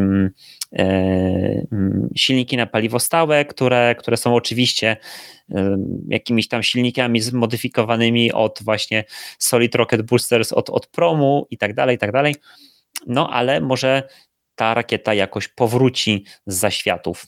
Northrop y, ma chyba komplet właśnie do dwóch jeszcze rakiet, do dwóch wystrzeleń. Jeżeli chodzi o pierwszy stopień, bo Antares to jest w ogóle dziwna rakieta. To, to jest rakieta, która nie powinna y, istnieć, ale jakoś to przepchnęli, że to jest rakieta, która na pierwszym stopniu ma y, silniki na paliwo ciekłe, a na drugim stopniu ma silnik na paliwo stałe, co w zdroworozsądkowym świecie powinno być na odwrót. No ale dobra, zrobili tak, działa, lata, to jest ok. I w tym momencie mają silniki na dwa starty jeszcze. Te rosyjskie silniki więcej ich nie dostaną, bo Rogozin powiedział, że nie, w ramach kontrsankcji. A jeżeli chodzi o budowę pierwszego stopnia, to tutaj ukraińskie zakłady już masz i już noje przy tym działają z Dniepru. I z tego, co obecnie wiadomo, jeżeli chodzi o front y, ukraińsko-rosyjski, to y, w Dnieprze na dzień dzisiejszy, y, poza jakimiś bombardowaniami sprzed iluś tam dni, nic się nie dzieje. Więc teoretycznie te zakłady mogą dalej wspierać e, te dwa starty, a potem właśnie znak zapytania, bo Rosjanie nie dadzą silników e, więcej, żeby, żeby obsłużyć te starty, a Northrop Grumman dostał kontrakt nie wiem, co zrobią. Ciekawe, bo y, może liczą na to, że wulkany wtedy zaczną latać i, y, i te y, Signusy będą wynoszone wulkanami od United Launch Alliance, no bo ULA już wcześniej Atlasami te Signusy też wystrzeliwały, no, były wynoszone na orbitę. Ale Kuba, teraz zobacz, zobacz, że cud się dokonał, bo Falconami polecą satelity OneWeb, więc dlaczego nie Cygnus Falconem 9? No i akurat jeśli chodzi o Antaresa, to właśnie to jest taka rakieta po prostu zbudowana z jak najtańszych klocków tak naprawdę, tak? Po prostu tu wzięli na Ukrainie to, tu wzięli dobre, ale tanie silniki i tak dalej, i tak dalej, więc jeśli korporacja Northrop Grumman będzie dalej takie, taką politykę po prostu stosowała, no to też kupią najtańszą, najprostszą rakietę dostępną na rynku, którą jest właśnie mm, e, Falcon 9 chyba że dadzą radę gdzieś tam wylobować jakąś dodatkową kasę mm, na właśnie tą Omegę. Ciekawe, bo Northrop właśnie ma takie podejście, że mm, są pieniądze rządowe, robimy. W momencie, kiedy kurek zostaje zakręcony, wszystko do kosza. E, nie, nie, nie, nie będą za swoje nic budować. Tak właśnie było z Omegą. No nie wiem, no gdyby chcieli wskrzesić Omegę na te kolejne starty, to już teraz musieliby się nad nią zastanawiać, bo e, Cygnus startuje ile? Dwa razy w roku? Tak, dwa, e, te, te misje towarowe są dwa razy do roku, więc za, za półtorej roku teoretycznie jest start Cygnusa, który nie ma rakiety najwyższy czas zacząć się zastanawiać, jak to, jak to ogarnąć. Tak. A nic o tym nie wiemy. No tak, natomiast wiesz, no jakby sytuacja jest bardzo rozwojowa, nie? Jakby tutaj y, w branży kosmicznej, start, jeśli chodzi o te starty rakiet i kontrakty i tak dalej, no to się planuje na 3-4 lata do przodu czasami. Najniższy taki horyzont czasowy to chyba jest 2 lata, tak? Do przodu zwykle a my się dowiedzieliśmy o takiej sytuacji i tym, że, że nie będzie nowych Antaresów miesiąc temu, nie? Więc jeszcze tutaj myślę, że m, mm, tak naprawdę decyzje nie, nie zapadły i może jakiś list intencyjny między korporacją Northrop Grumman a SpaceXem już jest gdzieś tam, toczą się negocjacje, no ale po prostu nie zostało to jeszcze ogłoszone po prostu. Dokładnie, no, no. Dobrze, lecimy, mm, lecimy dalej i tu mamy Space S jak Small News i miesiąc temu chyba mówiliśmy o tym, że właśnie inna amerykańska korporacja, Lockheed Martin, dostała kontrakt na e, stworzenie MAV, czyli Mars Ascent Vehicle. Mm, a w tym miesiącu, w marcu, pojawił się inny news dotyczący właśnie całej misji Mars e, Sample Return. I bo zmieniono pewien kluczowy, kluczowy element. Więc poprzednio, jakby jeszcze do, do, do tego miesiąca, zakładano, że w 2026 roku startują po pierwsze lądownik NASA, Sample Retrieval Lander, tak to się miało nazywać, i startuje też skonstruowany przez e, Europejską Agencję Kosmiczną Earth Return Orbiter, tak? czyli lądownik i orbiter. Na pokładzie lądownika miał być lądownika NASA miał być europejski łazik do zbierania próbek zostawionych przez Perseverance. Perseverance właśnie, yy, czy łazik ten europejski znajduje te próbki, zbiera i ładuje właśnie do tego MAV, Mars Ascent Vehicle, yy, które miał właśnie zbudować yy, Lockheed Martin. I Teraz MAV leci na orbitę, tam spotyka się z mm, orbiterem od ESA. Jeszcze tam była informacja o tym, że orbiter ESA, ale mechanizm do przechwytywania próbki jest od NASA. I dopiero później ten mm, europejski orbiter mm, wraca na e, Ziemię. I miał on chyba wracać, tak startować z orbity Marsa około 2028 i miał dolecieć w 2031. Natomiast teraz w marcu postanowiono, że nie będzie jednego lądownika, na którym będzie jednocześnie i europejski łazik, i ten mm, rakieta do wystrzelenia e, próbek z Marsa, tylko że powstaną dwa lądowniki. Dlaczego? Dlatego, że stwierdzono, że to jest po prostu mniej ryzyka, e, ze względu na to, że jeden lądownik oznaczałby, że musieliby zbudować e, większą heat shield, czyli osłonę większą termiczną. osłonę termiczną, tak, tego słowa mi brakowało i musiałby, musiała być cały ten pojazd w ogóle wystrzelony rakietą z mm, większym, e, większą osłoną ładunku. I no po prostu to jest mniejsze ryzyko właśnie ze względu na tą mm, osłonę termiczną, e, rakietę, no i to też po prostu samo lądowanie, bo jeśli będziemy mieć teraz dwa takie lądowania, to inżynierowie NASA twierdzą, że można po prostu użyć technologii, której używano wcześniej dla Perseverance, a jeszcze wcześniej dla Curiosity. I teraz, jak usłyszałem o tym, to tak sobie pomyślałem właśnie o tym europejskim łaziku mm, Rosalind Franklin, tak, że on miał lecieć mm, rosyjską rakietą i miał lądować na rosyjskim lądowniku, tak, po prostu. A teraz może zamiast właśnie na takim klasycznym lądowniku, to on może mm, zostanie posadzony na Marsie za, za pomocą tej technologii Skycrane, tak? Dobrze pamiętam, -hmm. tak się na mhm. to nazywa, Kuba?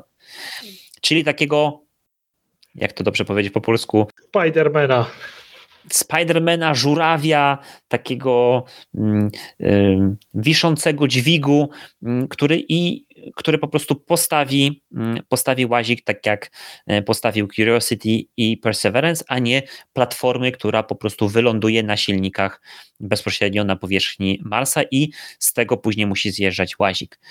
Bo no w ogóle ten łazik e, Rosalind Franklin miał być też takim testem tego, czy w ogóle Europejska Agencja Kosmiczna jest w stanie operować łazikiem na Marsie.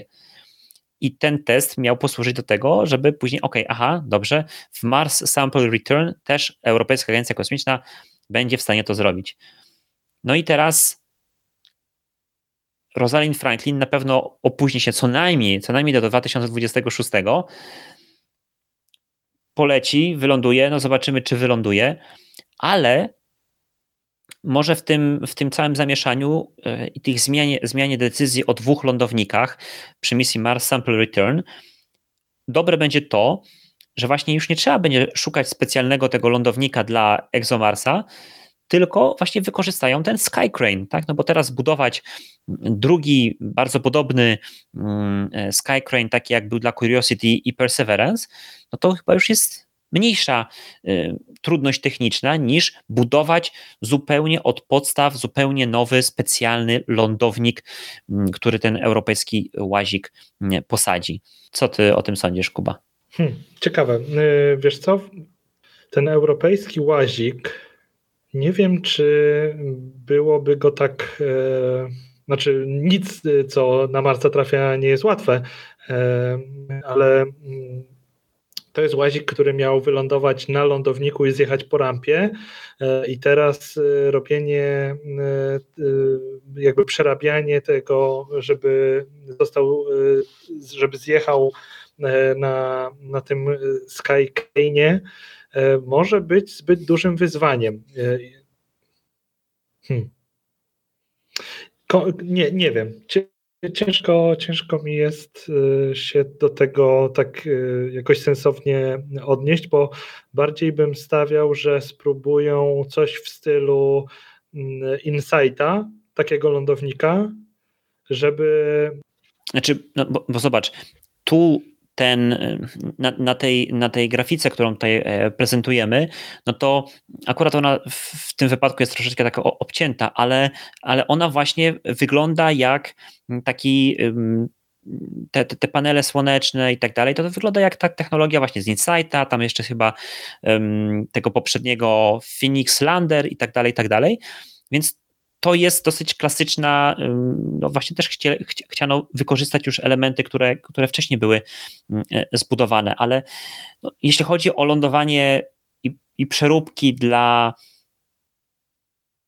Rosalind Franklin, łazika europejskiego, no to no wszystko będzie teraz trudne, nie? więc y, wydaje mi się, że prościej już jest posadzić, e, posadzić łazika za pomocą takiego Skycrane, bo, bo to tak naprawdę no, tylko z, z, na linach po prostu mm, zwieszasz po prostu ten, ten łazik, a nie musisz mieć jakiejś takiej nie musisz mieć takiej właśnie jakiejś nowej platformy y, y, konstruować, ale w sumie teraz tak się troszeczkę zawiesiłem, bo przypomniałem sobie, że kiedyś na jednym ze Space Hubów, które organizowałem, zaprosiliśmy polskich inżynierów z, z, z Sener Polska, takiej, takiej firmy, która właśnie jest w Warszawie, macie dzibę, którzy konstruowali pępowinę dla właśnie łazika Rosalind Franklin, która miała łączyć właśnie łazik z kazaczokiem, czyli tym modułem, czy tym lądownikiem rosyjskim. Więc no oczywiście ten e, łazik no, potrzebuje też jakiegoś zasilania i tak dalej, i tak dalej. No i teraz by trzeba byłoby totalnie to przeprojektować, żeby on jakoś był połączony w jakiś sposób właśnie z tym Skycrane'em i tu go zintegrować. No to nie będzie e, aż takie proste, no ale no kto jak nie NASA, kto jak Dokładnie. nie JPL? Znaczy ten, teraz, teraz jak e, mówiłeś o tym, to znowu przemyślałem to trochę i ten Sky, Sky Crane bo wiesz, mo, można zrobić e, ad, adapter na zasadzie, że bierzemy ten, e, ten lądownik właśnie Curiosity i Perseverance, no nie, ten, e, ten Sky Crane i nie podpinamy do niego bezpośrednio łazika Rosalind Franklin, który nie jest powiedzmy tak przystosowany do, do tego, żeby w taki sposób lądować, tylko robimy mu platformę, na której stoi i ta platforma e, jest właśnie opuszczana na tych, e, na tych linkach. I wtedy mamy platformę, e, która będzie jakby czymś takim pośrednim, żeby łazik stał na niej tak, jak miał stać na tym rosyjskim lądowniku, tylko że nie wyląduje właśnie tak, tylko tę platformę postawi ten Sky Crane na powierzchni Marsa. I myślę, że takie coś pośredniego byłoby.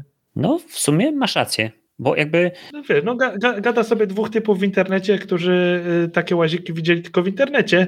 Y, Także, no, no nie wiem, no, spiszemy to, wyślemy widziałem... do ESA i niech biorą z naszych pomysłów. Tak, znaczy y, muszę tylko wiesz, jak to spiszemy, to wtedy ja zaznaczę, że ja pewne modele widziałem bardzo dokładne mm, na różnych wystawach i muzeach, więc y, to nie tylko z internetu, no ale owszem, tak, no, mamy y, wiedzę, mm, wiedzę youtuberską, że tak powiem. Próbuję ustalić masę tego łazika europejskiego, bo coś mi się wydaje, że on jest w porównaniu do łazików tych amerykańskich dość lekki.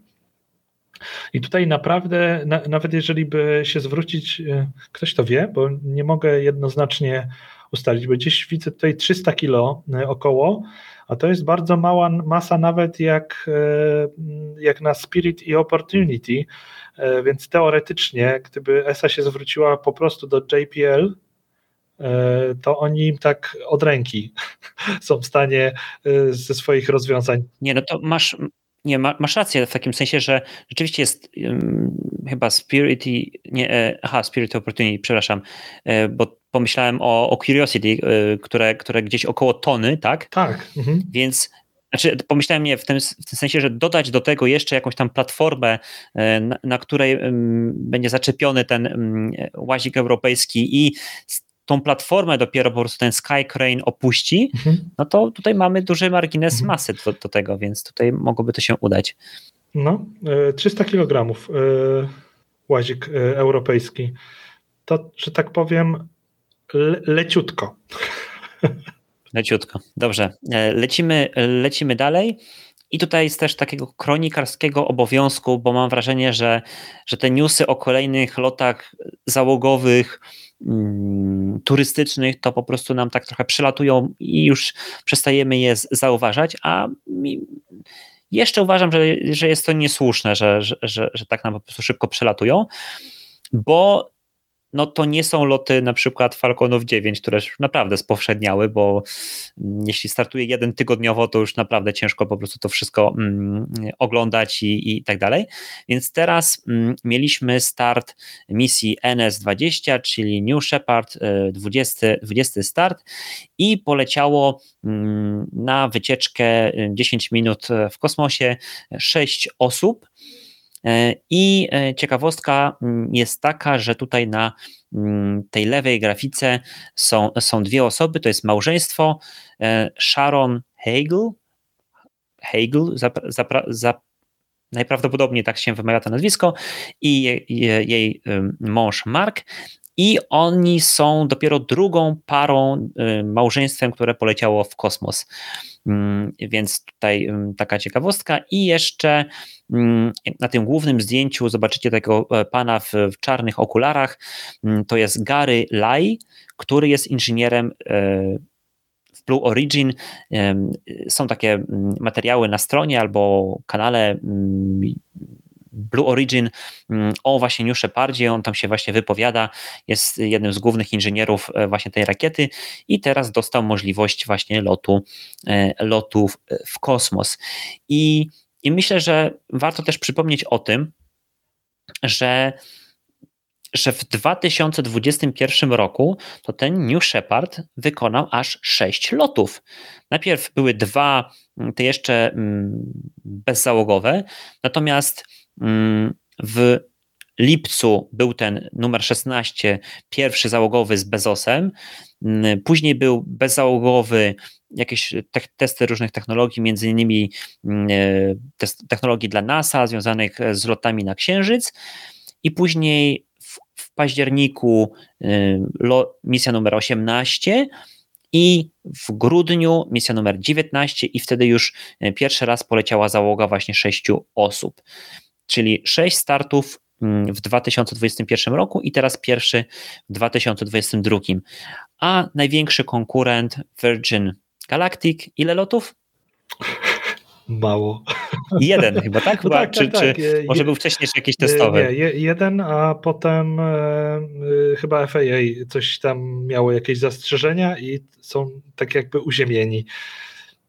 Tak, tak.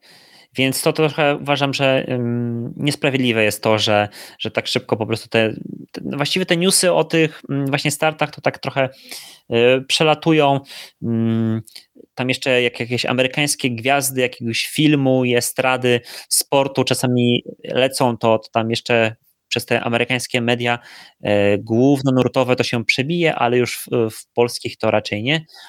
No a myślę, że warto o tym przynajmniej mm, powiedzieć krótko z takiego kronikarskiego obowiązku, no bo no, żyjemy już fizycznie w, w czasach mm, naprawdę turystyki kosmicznej, więc e, warto, warto to podkreślać i, e, i kibicować. No szybko poszło, znaczy szybko poszło w sensie, że przez lata tak po prostu były te starty bezzałogowe, kapsuły załogowej i nagle wsadzili tam ludzi i, i ruszyło. E, nie ma jakichś przestojów, tylko cisną e, ostro. To im trzeba przyznać, że e, jak już się zabrali za to, to tak konkretnie. Tak. I jeszcze na sam prawie koniec mm, wracamy do NASA i do tego, że mm, ogłoszono ogłoszono, że NASA jednak wybierze drugi lądownik e, księżycowy. Tutaj na tym obrazku mamy taki piękny składak. E, osoby, które mm, e, lubują się w, w PC-tach i szczególnie w PC-tach właśnie mm, takich tower, mm, nie laptopach, to po prostu czasy składaków mi osobiście taka trochę łezka się wokół kręci. Ty chyba, Kuba, masz jakieś takie y, nadal komputery właśnie... Tylko takie. Tylko, tylko takie, tak. no, ze względu na swoją profesję, ale tutaj mamy też właśnie taki składak e, z trzech części. Natomiast tak już abstrahując od śmieszków, tylko mówiąc o, o, o poważnych rzeczach, no to właśnie no, ogłoszono jakby nową, znaczy kongres zatwierdził nowy budżet na ten rok, e, rok fiskalny 2021 nie, 2022, przepraszam. Nie, bo tam to, to znaczy te, te, te lata nie pokrywają się z, leta, z, z, z, kalendarzowymi i tutaj jest, jest, ta, mm, jest ta konfuzja. Natomiast mm, ciekawostki a propos właśnie tego, tego kontraktu, znaczy to, to tak naprawdę będzie nowy nowy program, tak? Bo teraz był Human Landing System, tutaj został rozstrzygnięty, wygrał mm, SpaceX, ze Starshipem, a teraz będzie Sustaining Lunar Development, przynajmniej na razie tak to się nazywa. E, SpaceX nie będzie mógł w nim e, brać udziału, Mm, natomiast y, pojawiły się informacje, że generalnie hmm, może będzie jakaś tam druga część tego Human Landing System i wtedy to po prostu tutaj tą furtką tam jeszcze na, na, na nowe jakieś dodatkowe hmm, loty i misje y, SpaceX dostanie mm, pieniądze. Ale czekaj, czekaj, czekaj, czekaj, zaraz, zaraz, bo mi się to tylko tak y, obiło uszy, ale nie, nie wnikałem. Czy z tego, co mówisz, wynika, że SpaceX dostał kontrakt na te dwa czy trzy na początku lądowania, a potem y, jest, ma być kontrakt na jakby kolejny lądownik księżycowy, do którego nie może startować SpaceX, ale też nie mogą jakby dalej realizować lądowań y, Starshipami. I, I tak i nie, bo wiesz co, bo wydaje mi się, że to jest tak, że ten obecny kontrakt to jest tylko na przeprowadzenie misji testowej bezzałogowej i na misję tą Artemis 3, czyli na to pierwsze lądowanie. Tylko na to. I na to jest te, mm, jeśli dobrze pamiętam, tak, było 2,9 miliarda dolarów. No, tyle, tak, 2, tyle 2, chyba. Nie, nie powiem. No, co, coś, coś tam będzie o 2,9 2,9 chyba. Y, no. Tak. I, I to jest tylko to.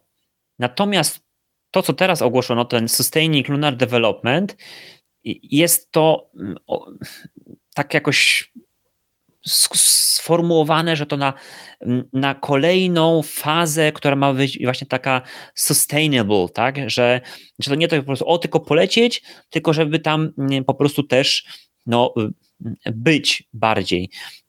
I warunki do tego nowego kontraktu i na ten, na ten lądownik będą też inne. Znaczy, jeszcze nie ujawniono dokładnie jakie, ale że ma to być mm, lądownik, który zawiezie więcej astronautów i będzie mógł tam przebywać dłużej.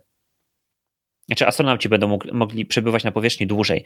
Znaczy oczywiście Starship i tak jest odpowiednio pewnie wielki do tego, no ale ten składaczek, który tu pokazujemy na ekranie, no to był właśnie taki skrojony pod ten kontrakt, mm, że tam chyba dwóch czy trzech astronautów, no i ciach polecą, wylądują, pobędą tam pewnie dzień czy dwa i, i wracają, tak? Widzę, że ktoś tu robi y, mocno grunt y, pod stworzenie takiego księżycowego SLS-a, y, żeby znowu powstał jakiś taki potwór, który będzie finansowany latami. Taka myśl. No tak, no czy wiesz, no, tutaj przecież mm, NASA bardzo się broniła i, przed lobbystami, i przed e, prawnikami Blue Origin, którzy tam właśnie były, były pozwy o to, że przecież miały być wybrane dwa nie wybrano. Natomiast ciekawostka też a propos tego nowego budżetu e, NASA była taka, że, że NASA poprosiła na rozwój SLS-a tylko 2, no 2,5 miliarda dolarów. 2,5. Ale kongres dał trochę więcej. 2,6. więc, więc no, wyobrażasz sobie, nie, takie rzeczy, że no mówisz, że cena jest, znaczy chcesz tyle, nie? No to, no dobra, no to chcesz tyle, no to ci dajemy tyle. No nie, nie, nie, damy ci więcej. Więc no, no, no taka jest po prostu polityka i, i taki jest no po prostu ten, ten świat mm, powiązań biznesowo-politycznych, no i po prostu tak naprawdę polityków, którzy dla nich najważniejsze jest to, żeby po prostu w ich stanie, w ich okręgu wyborczym były miejsca pracy i że żeby nikt, żaden z wyborców, żadna organizacja nie mogła przyjść palcem i nie mogła przyjść do biura poselskiego czy tam kongresmeńskiego i im po prostu nawtykać, że tutaj po prostu przez nich nagle ileś tych miejsc pracy e, zniknęło. No i taka jest po prostu e, rzeczywistość. Taki program socjalny. I ostatnia, ostatnia informacja a propos właśnie tego budżetu NASA, że mm, właśnie, że mm, ile on wynosi, tak, taka ciekawostka, więc to jest 24 miliardy mm, dolarów, to jest 700 milionów więcej niż w poprzednim budżecie, ale 760 mniej niż NASA chciała. Więc dostali więcej, dostali więcej niż w poprzednim roku, ale mniej niż chcieli. O. Przez pół. No ale myślę, że mimo wszystko, no, jeśli dostali więcej niż, niż w poprzednim roku, to jest, to jest no dobrze. Tak, tak. Mhm. I o, ostatni news, e, mega szybki, e, krótki, e, aż nie mogłem w to uwierzyć, kiedy, kiedy się właśnie o tym dowiedziałem. Dlaczego tutaj pokazuję takiego pana z brodą, białą brodą, e, wyglądającego ja trochę jak święty Mikołaj, tylko właśnie w jakimś zakładzie produkcyjnym. Gandalf, operator CNC. Tak, dokładnie. Bo okazuje się, że w USA według tam wyliczeń jakichś inwestorów e, z jakiejś firmy Starbridge Venture Capital według tego właśnie funduszu inwestycyjnego w USA jest w tej chwili 200 tysięcy wakatów na pracę w tym całym szeroko pojętym aerospace sektor. Nie, nie, tylko oczywiście w kosmicznym, ale tym dookoła, tak? Czyli lotnictwo plus, plus kosmos, ale to nie tylko rakiety, oczywiście też e, satelity i tak dalej, i tak dalej. I skoro jest tak dużo tych wakatów, więc jest problem z tym, żeby po prostu no, zatrudnić odpowiednio dobre osoby. I w tym artykule było napisane to, że, że firmy już są tak zdesperowane, że nawet e, ściągają osoby po 70, które wcześniej już pracowały w, w, w, sektorze, ale poszły na emeryturę, a teraz oni ich jeszcze po prostu wołają z powrotem.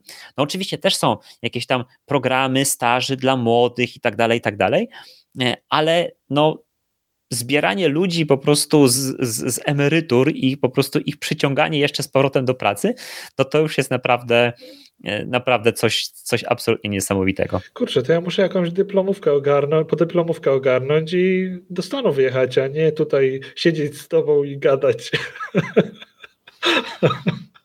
No dokładnie, dokładnie.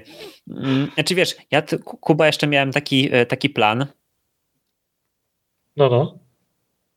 Jaki plan? Powinieneś zapytać, jaki. Ja, jaki plan? Jaki plan? Ja, chciałem, bo taki sprytny, sprytny, sprytny no bo no bo wiesz, Kuba, tyle, tyle, tyle właśnie teraz jest takiego oparcia na ten kosmos i tak dalej, to my po prostu jeszcze byśmy, potrzebujemy, potrzebujemy jeszcze jednego człowieka, ale byśmy normalnie mogli założyć własną firmę kosmiczną. Właśnie. Ty jesteś dobry rendery, ja tutaj będę po prostu nawijał makaron na uszy, marketing i tak dalej, i tak dalej.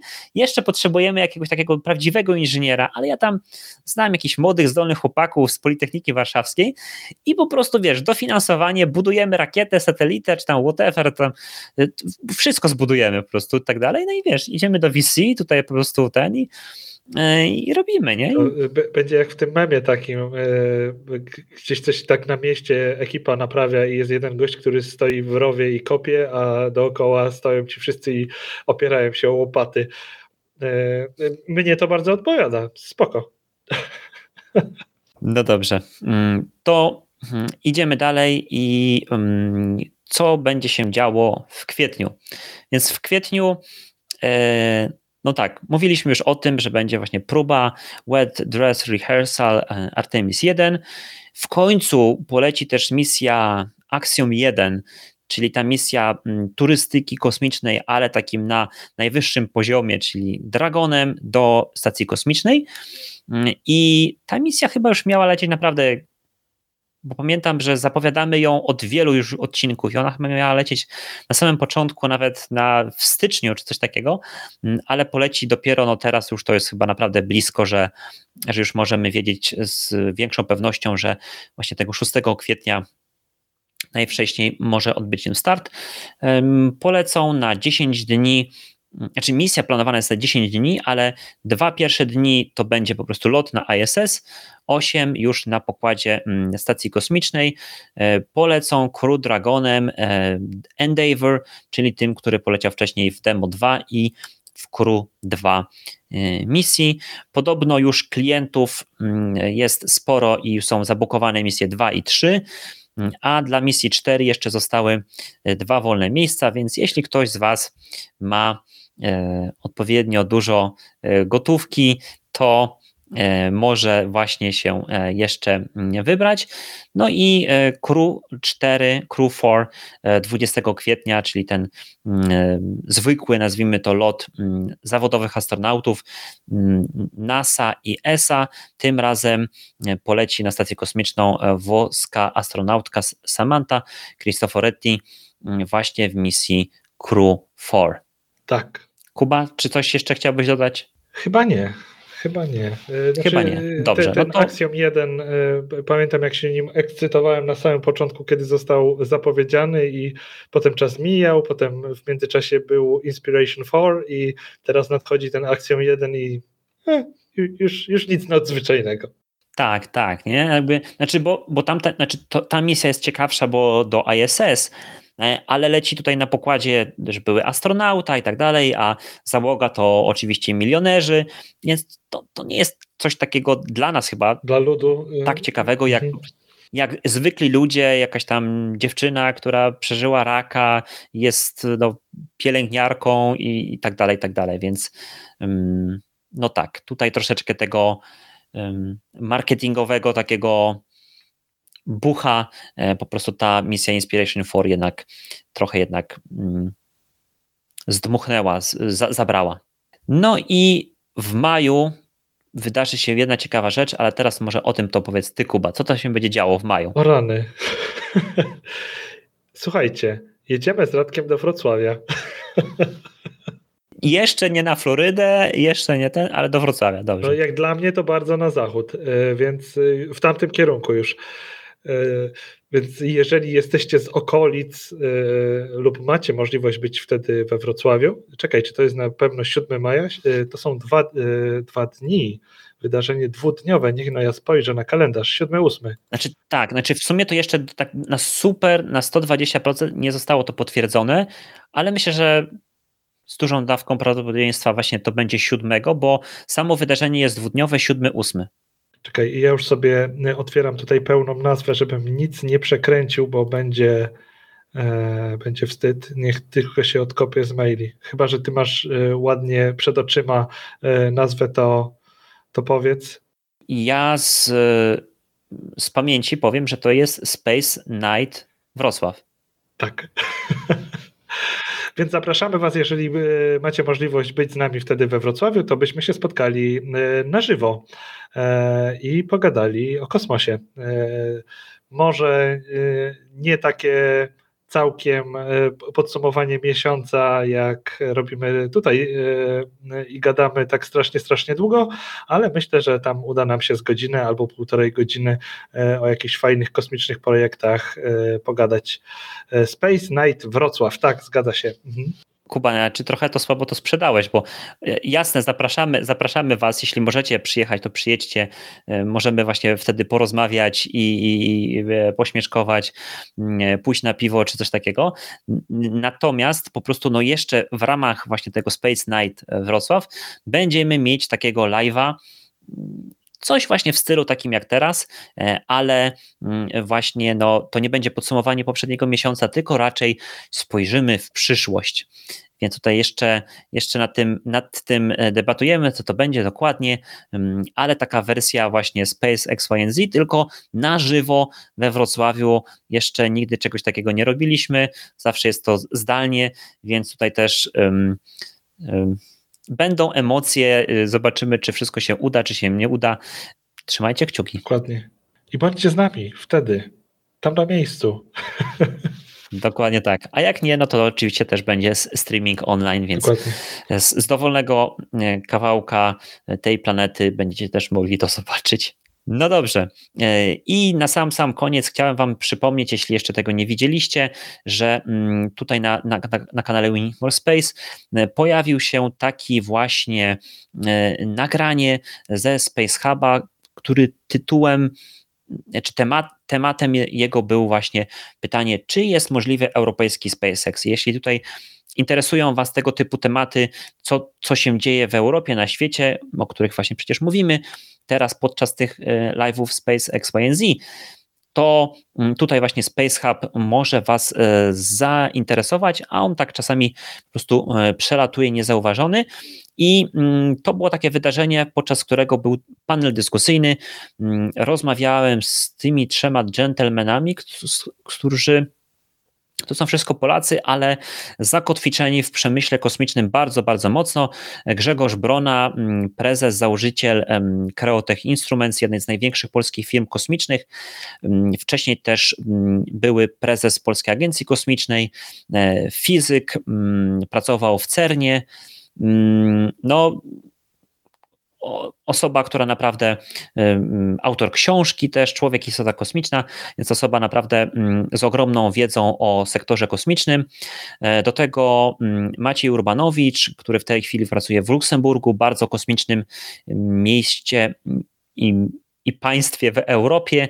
Mm, I jest jeszcze Sebastian Straube, mm, który w Niemczech pracuje dla startupu budującego rakietę kosmiczną, dla startupu, teraz mi wyleciała nazwa z, z Czekaj, czekaj, czekaj, już, już, już, już, już, już, bo ja sobie. Rakieta się nazywa Spectrum, a startup się nazywa.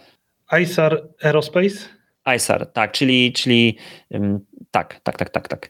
Więc tutaj naprawdę bardzo, bardzo ciekawe osoby.